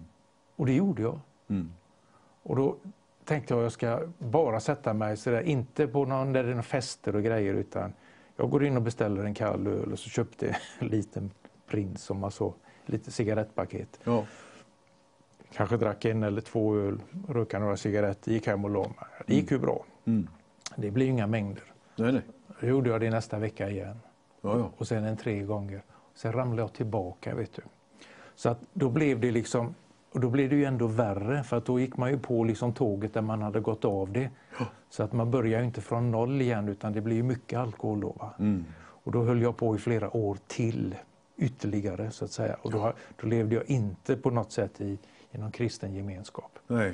Men jag tänkte ju hela tiden på Gud, visst gjorde jag det. Ja, ja, det blir så. Bad min aftonbön och så men Det var ju inte lätt att komma ifrån det du hade upplevt. Nej, det, det, det sätt, sätter sig. Vet du. Så Mm. att, och det som du sa där, alltså, då är vi sen sju år senare. Okej. Eh, då, då var jag framme vid den punkten att jag ville göra en, en, en, en radikal omvändelse igen, så att säga. Från min sida en radikal omvändelse. Mm. Och eh, då, det som du sa, alltså, ja, jag vaknade på morgonen, la in snus direkt och så rökade man och så gick tankarna till alkohol och så blev det så igen. Då, va? Så hade det blivit under de här sju åren, mer och mer och mer. Och då bad jag en bön en kväll. Jag hade ju bett många böner givetvis, men en kväll så var det så här, eh, tänkte jag, jag var ensam hemma i min lägenhet där jag bodde. Hjälp mig bort ifrån det här Gud, för att det, det här, jag klarar inte detta livet längre. Jag blir sämre och sämre. Och jag, är inte så, jag är inte gammal, men ändå, jag tycker livet rinner ifrån mig och mina kompisar har liksom bildat familj och skaffat barn och lever ett ordentligt liv. Här går jag i törstig och dricker alkohol var och varannan dag och, och blir sjuk av det. Va? Mm. Så i alla fall så bad jag den bönen, kan du ta bort det här en gång till så får jag få komma tillbaka till dig på riktigt, på allvar. Och då fick jag tankar till mig, vet du. Ja, menar du det nu då? För nu gäller det för all framtid. Och wow, då blev det liksom väldigt bränd. För all framtid, ja. Ja, du klarar inte att hålla på så här och du smådutta ändå. Allt eller inget liksom. Ja, och då, då blev det vet du, att jag vägde, ska säga, det här småroliga som fanns kvar om man säger så. festa med kompisar ibland. Det här när man börjar en period och har lite kul. Va? Mm. Sen mot alla nackdelar, bakrus, fyllesjuka, Ja. minnesluckor, eh, dålig hälsa, allt vad det blir. Va? Pengarna ryker och Ja. minnet minnesluckor och grejer. Ja, sa jag, jag vill bli av med alltihopa. Ja, då bokade du av, eh, jag hade några fester inplanerade med ska säga, lite, lite vanliga ungdomar som inte var så gravt nedgångna. Ring och boka av det. Ska jag boka av? Ja, du klarar inte det. Nej, och jag förstod ju med en gång. Det är klart, det klarar inte jag. Sitta där och de smådricker med en flaska vin. Då, då är ju lampan tänd för mig och sen fortsätter jag för flera dagar antagligen. Ja, vad ska jag säga då? Säg att du har problem med alkoholen. ja, ja, det får jag väl göra. Så jag, minns jag ringde och sa det till en, en kompis. Förstod ju ingenting. För de var ju så ordentliga själva. Du behöver inte dricka så mycket. Nej, men vi dricker inte så mycket. Nej, nej, men det, jag vill göra det, så jag. Så att jag kommer inte. Tack ska du ha. Så, va? så jag bokar massa. Och så går du inte på Systembolaget längre. Nej, det förstod jag ju. Och så går du inte att sätta dig på krogar och du går inte in i där det är lite mer fyllekvartar och så där folk sitter och riktigt festar och dricker. Så jag fick som ett eget behandlingsprogram nästan. Gör det, gör det, gör inte det, gör inte det. Och, så, och jag sa, ja jag gör det alltihopa. Kan du ta bort och ta också rökat cigaretterna och snusen, alltihopa. För det är laster som jag har skaffat mig. Jag vill inte ha dem heller. Va? Amen godnatt, sa jag. Ja. Och så somnade jag, vet du, det var inte så mycket mer. Så vaknade jag på morgonen och då tänkte jag, konstigt, då hade jag varit uppe en timme ungefär. Jag har inte tänkt på snusen nu. Och det var just det där, ja, det, men det vaknar ju alltid, bara la in direkt. Jag har inte tänkt på det på en timme, det var märkligt tänkte jag. Ja. Och så, jag var inte röksugen. Och så gick det ett par timmar vet du, och det var, gick jättebra. Utan röka, utan snus. Jag tänkte inte på öl eller alkohol heller. Så gick hela dagen och jag tänkte, ja, ja du har ju bestämt dig, du vill ju själv ta tag i det också. Ja. Men jag tänkte, han har klippt bort begären helt och hållet. Jag var inte sugen, inte ett dugg, inte på hela dagen, inte på nästa dag. Tre, fyra dagar. Det, har ju det är ju ett under. Jag är helt fri. Var, och jag brukar säga det efteråt nu, det var precis som Gud tog fram en stor jättesax, bultsax eller något och bara klippte bort begären. Bort. Och på den vägen är det. Och det är ju det är, det är många år sedan nu. Ja. Men i alla fall, alltså, från ena dagen till den andra, samma natt, allting bara borta. Jag har inte några begär kvar. Och det är många år sedan nu, men De märkte det på dig också, eh, både före och första gången och andra gången.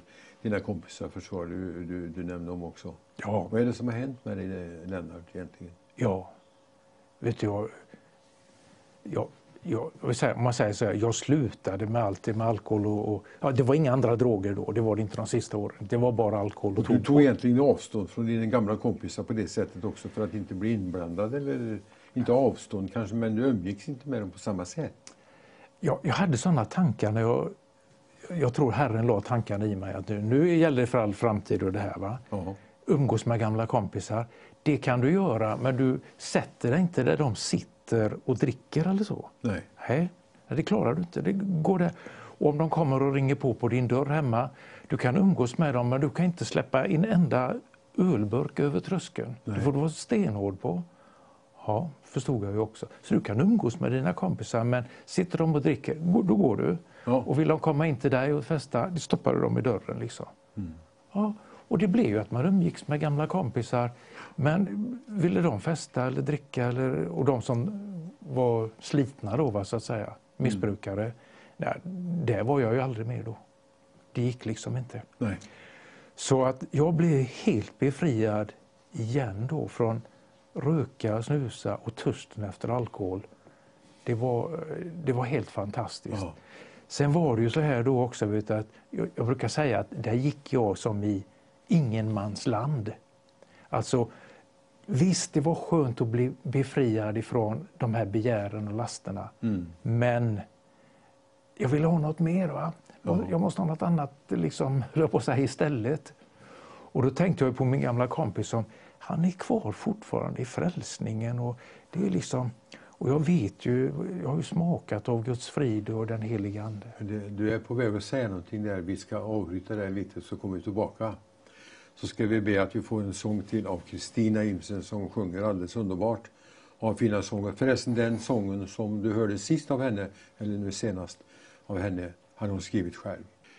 Ja, välkommen tillbaka nu då eh, till vårt samtal här. Jag sitter med Lennart Elmyr och eh, vi pratar här om denna förvandling som är möjlig och som sker när man tar emot Jesus. Men det är bara då det kan ske. Det kan ske många förvandlingar. Många kan lägga av och röka i egen kraft och många kan lägga av och supa i egen kraft.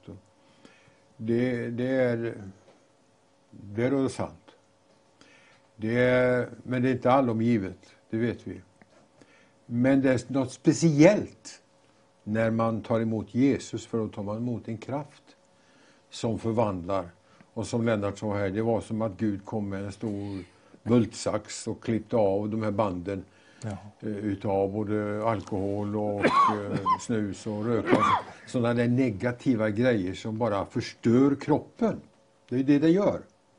Det är ju förstörelsevapen mot det som är ämnat att vara ett, den heliga Andes tempel. Och jag tänkte det, där står han i jobbet. Han är inte på ett möte nu Lennart. Han är inte, han är inte i ett möte där man sjunger och klappar i händerna och, och, och, och jublar och, och plötsligt blir han glad också. Utan han står i jobbet och plötsligt blir uppfylld av den här glädjen. Det var den heliga Ande som började och tog sin boning mer och mer i honom och gav honom det han behövde. Och du var inne på det Lennart här nu. Det har ju, det har ju fortsatt nu i många år. Jag menar, du är inte i 20-årsåldern nu. Utan du har kommit upp i mogen ålder och, och, och, och, fortsätter att leva med Herren. Det är, ju det, det är det som är så stort att man blir bevarad. Men eh, ja, det här med an, upplevelser du var inne på nu, det var väl Mm. Din, din, kompis hade upplevt mer andedop och så vidare. Och... Mm. Mm. Ja, då, jag gjorde som man säger då liksom en, en andra omvändelse får jag väl säga. Ja. Och, och Herren, som du sa, det sista där, han befriade mig fullständigt igen. Och så gick jag, tyckte jag, som i ingenmansland och ville liksom ha något mer då, va? Och ha mer av Gud om man säger så. Ja.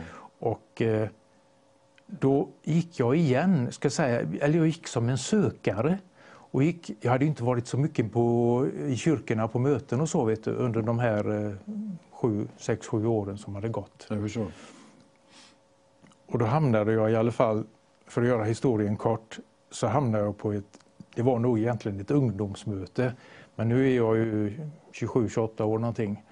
Mm. Rätt ung kan vi ju tycka nu, men då Eh, i Saronkyrkan här i Göteborg. Ja. Och eh, så det var ju ungdomar där och jag var kanske lite äldre än dem, flesta som var där. Men pastorn sa att, då vill jag säga er så här att ni som är yngre och kommer hit, ni hör många utav de äldre som berättar, en del har varit på, missions, på missionsfälten och som missionärer och, och de vittnar, de har så starka upplevelser med Gud, vad Gud har gjort. Han har gjort det och han har gjort det och det är helanden och det har blivit eh, så. Och, och, och, så tycker ni här så att eh, ja, men så är det inte alls för mig, det är inte alls så i mitt liv, jag har det inte alls så. Och då är det så, sa pastorn, men jag måste säga er att ni kan aldrig gå någon genväg själva utan ni måste själva också bära korset. Och du vet, det här flammade till på insidan i mig. Och en del av korset, det förstod jag ju med en gång, det är ju bekännelsen utåt. Just ja. vem, vem är det liksom som har hjälpt dig? Ja, det är inte, det är inte jag, jag har slutat eh, dricka eller jag har slutat. Jesus har hjälpt dig. Mm. Jesus har gjort det. Och, och det här, och så citerar han ett ord från Jesus då, du vet när Jesus säger att den som eh, blyges för mig och mina ord här i detta syndiga och vrånga släkte, den ska jag också blygas för inför min faders änglar i himmelen. Mm. Men den som bekänner mig här, den ska jag också bekänna inför de heliga änglarna och min mm. far. Och du vet det här, det flammade till på insidan mig. Jag, förstod, jag har ju inte alls varit noggrann med bekännelsen utåt. Så att innan jag kom hit idag så tänkte jag, som ledord eldskrift. Du vet, det flammade till på insidan i mig som eldskrift att wow, det där bära korset själv Ja, och jag förstod med en gång att det handlar för min del mycket om bekännelsen utåt. Ja. Man kan inte dela Guds ära med någon, han delade den inte med mig. Det var han som hade gjort det verket. Ha? Och liksom grunden för alltihopa. Så du måste berätta om, säga något att det är Jesus som har gjort det. Det är Jesus. Ja, och det där med att bära kors, vet du, man måste bära korset. Då, jag gick faktiskt ner till en butik och så köpte jag mig ett kors. Du ser, nu har jag ett litet kors här som hänger om halsen. Ja. Och jag har väl under åren tappat några och höll på att säga, slitit ut. Ja. Men, eh, så det är inte det som jag hade från början. Men jag gick och köpte mig ett kors. Tänkte jag ska bära korset. Och det var som ett bekännelsekors då. Ja. Och då hängde jag på mig det. Och eh, det ingår i berättelsen här att jag hade börjat om i eh, skola, i komvux och sen gick jag på folkhögskola i de här åren. Va? Ja. Så jag hade liksom börjat om med det också för att skaffa mig ett, ett avgångsbetyg från skolan och så komma lite vidare. Och eh, det var ingen kristen skola, inga kristna klasskamrater. På folkhögskolan är vi nu då. Ja. Och eh, då kom jag dit på morgonen, hade tagit mitt beslut, bära ett kors, bekänna Jesus. Jag tänkte jag får lära mig något enkelt att säga bara. Jag var, jag var, jag var liksom... Nykter var jag ju och så, jag blivit befriad igen men den här kraften saknade jag vet du, och bekännelseglöden eller vad ska jag säga. Ja. Så jag bara säger, "Du, men du får säga det. Säg att det är Jesus som har gjort det. Ja. Så jag kom på morgonen, du har ett kors på det här säger de. Så här. Ja. Ja. Vad har hänt med dig då? Ja, jag har blivit kristen, jag har tagit emot och så är det Jesus. Och så, så, så, jag, ber till Jesus, så, tror jag jag tänkte jag skulle säga. Jaha, och det, det var ju inte populärt vet du. Nej. Nej. Och jag, jag kände ju liksom kom utanför gemenskapen. Jag hade en eh, kristen klasskamrat som gick i klassen då. Det var en väldig glädje och tröst. Men alla de andra. Och så skulle man gå där på lektionerna vet du, och, och var det något grupparbete eller någonting. Jag, jag kände mig så utanför också. Jag var, och de tittade lite konstigt på mig, att det var något konstigt. Vet du. Ja. Och jag kände verkligen hur temperaturen sjönk i mig. Det, blev liksom, det var, här var inget roligt. Och jag gick där, jag skulle ha min bekännelse att jag, jag var kristen, jag trodde på Jesus och bet till Ja. Så jag åkte längre och längre ur gemenskapen, jag kände mig så också. Och jag, jag gick hela dagen och så nästa dag, jag höll, skulle hålla fast och så efter tre dagar så minns jag jag sa till Herren så här, ja, jag tror jag gör rätt men jag kommer inte att klara det här. Jag åker utanför gemenskapen och jag, jag tappar ju, det blir ju värre det här blir ju allting. Och då är jag på nytt ensam hemma i min lägenhet och på kvällen där, så jag minns det så väl, vid tio tiden så kommer den här pålande glädjen igen på insidan som jag hade upplevt tidigare. Jättekraftigt vet du. Så jag börjar igen småskratta och till slut så skrattar jag högt för mig själv. Och jag känner sån frid och sån glädje och känner ju liksom hur det kommer det här liksom i ögonen, blicken blir klar och allting. Ännu kraftigare än vad jag någon gång tidigare får jag säga. Och det höll, höll på minut efter minut. Alltså, så jag, jag skrattar som ett barn som är på cirkus eller någonting. Inget som är roligt jag ser utan det bara Guds rike består i frid och glädje i den helige Ande.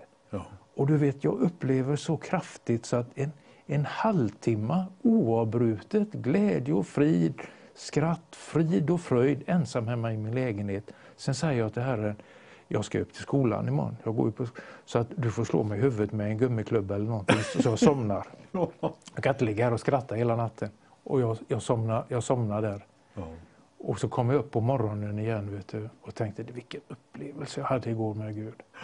Så jag bara varit uppe fem minuter så började det igen. Ja. Samma glädje. Samma glädje. Klockan sju på morgonen som jag hade på kvällen innan.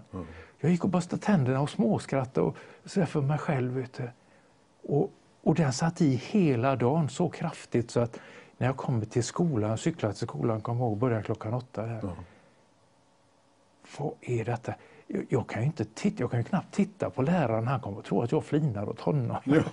jag så här, så här, Ja. oh, oh. Då vet jag, så fick jag liksom titta ner i, i backen lite och hålla för ögonen ibland. För jag, jag var så uppfylld av frid och fröjd.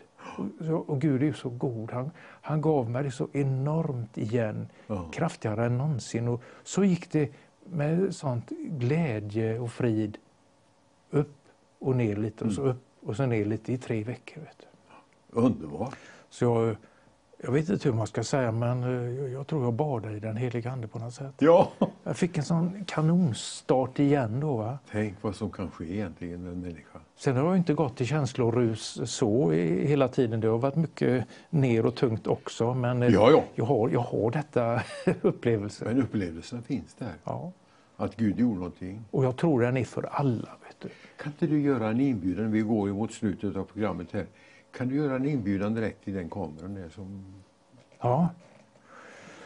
ja, då vänder jag mig till dig som har hört eh, oss här ikväll. Eh, det här med att uppleva frid och fröjd och glädje från Gud som kommer genom den heliga Ande. Det är inga speciellt utvalda som ska ha hand om det. Utan det är för alla människor. Och det kan jag citera ett bibelord där det står att i de yttersta dagarna ska jag utgjuta av min ande, säger Herren över allt kött. Så vill du ha det, så vänd dig till Gud. Vi kan bara vittna och berätta, men han kan ge det till dig. Och jag, jag kan be en bön för dig också. Herre, du ser längtande hjärtan, de som känner att det här vill jag gärna, gärna, gärna ha. Jag ber det till dig, Herre, att du möter med det längtande människohjärtat. Var och en som har den önskan och längtan och bönen i sig att få uppleva av din frid och fröjd och glädje, Herre.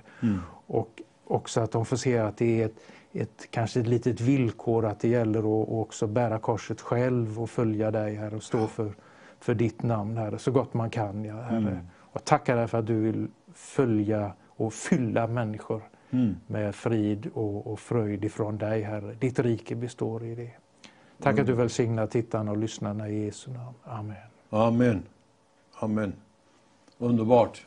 Tack Lennart för ditt vittnesbörd och för den här inbjudan och förbön för människor. Det var väldigt, väldigt trevligt. Vi har en del som har skrivit in. Vi har inte talat så mycket om att vi skickar in bönämnen, men det är en del som har skrivit in här i alla fall. Och jag ska ta och eh, läsa upp några och så ska vi be för dem och så ska vi ha någon sång på slut här.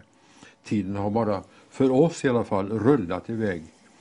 Eh, be för att min man ska lyssna till, Gud, Jesus och den helige Ande. Och eh, att sanningens ande kommer över min man. Och sen är det en som har magmunsbråck och halsbränna. Och sen har vi en be för Lennart och Susanne. Och så har vi tacka Gud för Kalles jobb. Det låter ju bra. Och eh, sen går vi vidare, be för Lennarts frälsning. Och eh, en som ber om eh, för koncentrationssvårigheter och igångsättningssvårigheter för en man som är nödvändig att klara av sitt jobb. Att det blir glädje och tillfredsställelse för min man med jobbet. Gud kan sånt också. Han är specialist på det som är omöjligt annars. Att min man börjar se mig och älska mig som sin fru. Och sen har vi Be att Gud ställer till rätta allt som blivit fel i en relation. Be att min vän får en längtan efter att träffa mig. Be att vi får mötas på djupet i sårbarhet och förtrolighet. Tack för förbön. Och eh, ska vi se nästa. Familj som sliter med sömn och depression. Och eh, be anonym att mina ögon blir friska och slutar rinna. Och eh, sen så har vi då be för min dotter, hon är kristen, syster i Herren. Och eh, säkert finns det fler olika slags bönämnen här. Och det står att om vi beder om något efter hans vilja så vet vi att han hör oss. Och om vi vet att han hör oss så vet vi också att vi har redan det som vi har bett om i vår bön. Det är starka ord. Men det är alltså Bibeln som säger det. Och Jesus sa, be och ni ska få. Sök och ni ska finna. Klappa på och det ska bli upplåtet. Vi får ibland omedelbara bönesvar. Be och ni ska få, få på direkten. Sen står det sök.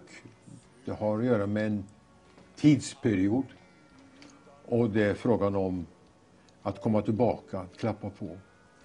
Vi ska be för de här bönämnen som har kommit in här och så ska vi avsluta med en sång. Tack för att ni har lyssnat ikväll och tack Lennart och vi säger tack till Per-Arne som har varit med oss också här. Och vi ber nu i Jesu namn. Fader i himlen, vi tackar dig för att du har sett alla de här bönämnena Ja. och många fler som vi inte har läst upp, men som har inför ditt ansikte lagt fram sina behov och sin eh, längtan om förvandling, om förändring och förvandling som du allenast kan stå för. Tack att din Ande är idag mäktigt utgjuten över var och en som tror och över var och en som har behov. Vi ber om att du ska fylla varje behov i Jesu Kristi Nazarens namn. Amen. Och så tackar vi dig för att du har ringt in och skrivit in och eh, gett gåvor ikväll. Vi får räkna nu på slutet här av månaden. Vi behöver i alla fall omkring tusen stycken som ger 500 kronor. Men vi avslutar det här programmet ikväll med en sång. Jag heter Donald Berragård och har varit eh, din eh, programledare ikväll och önskar dig Guds välsignelse i fortsättningen. Vi ses snart igen.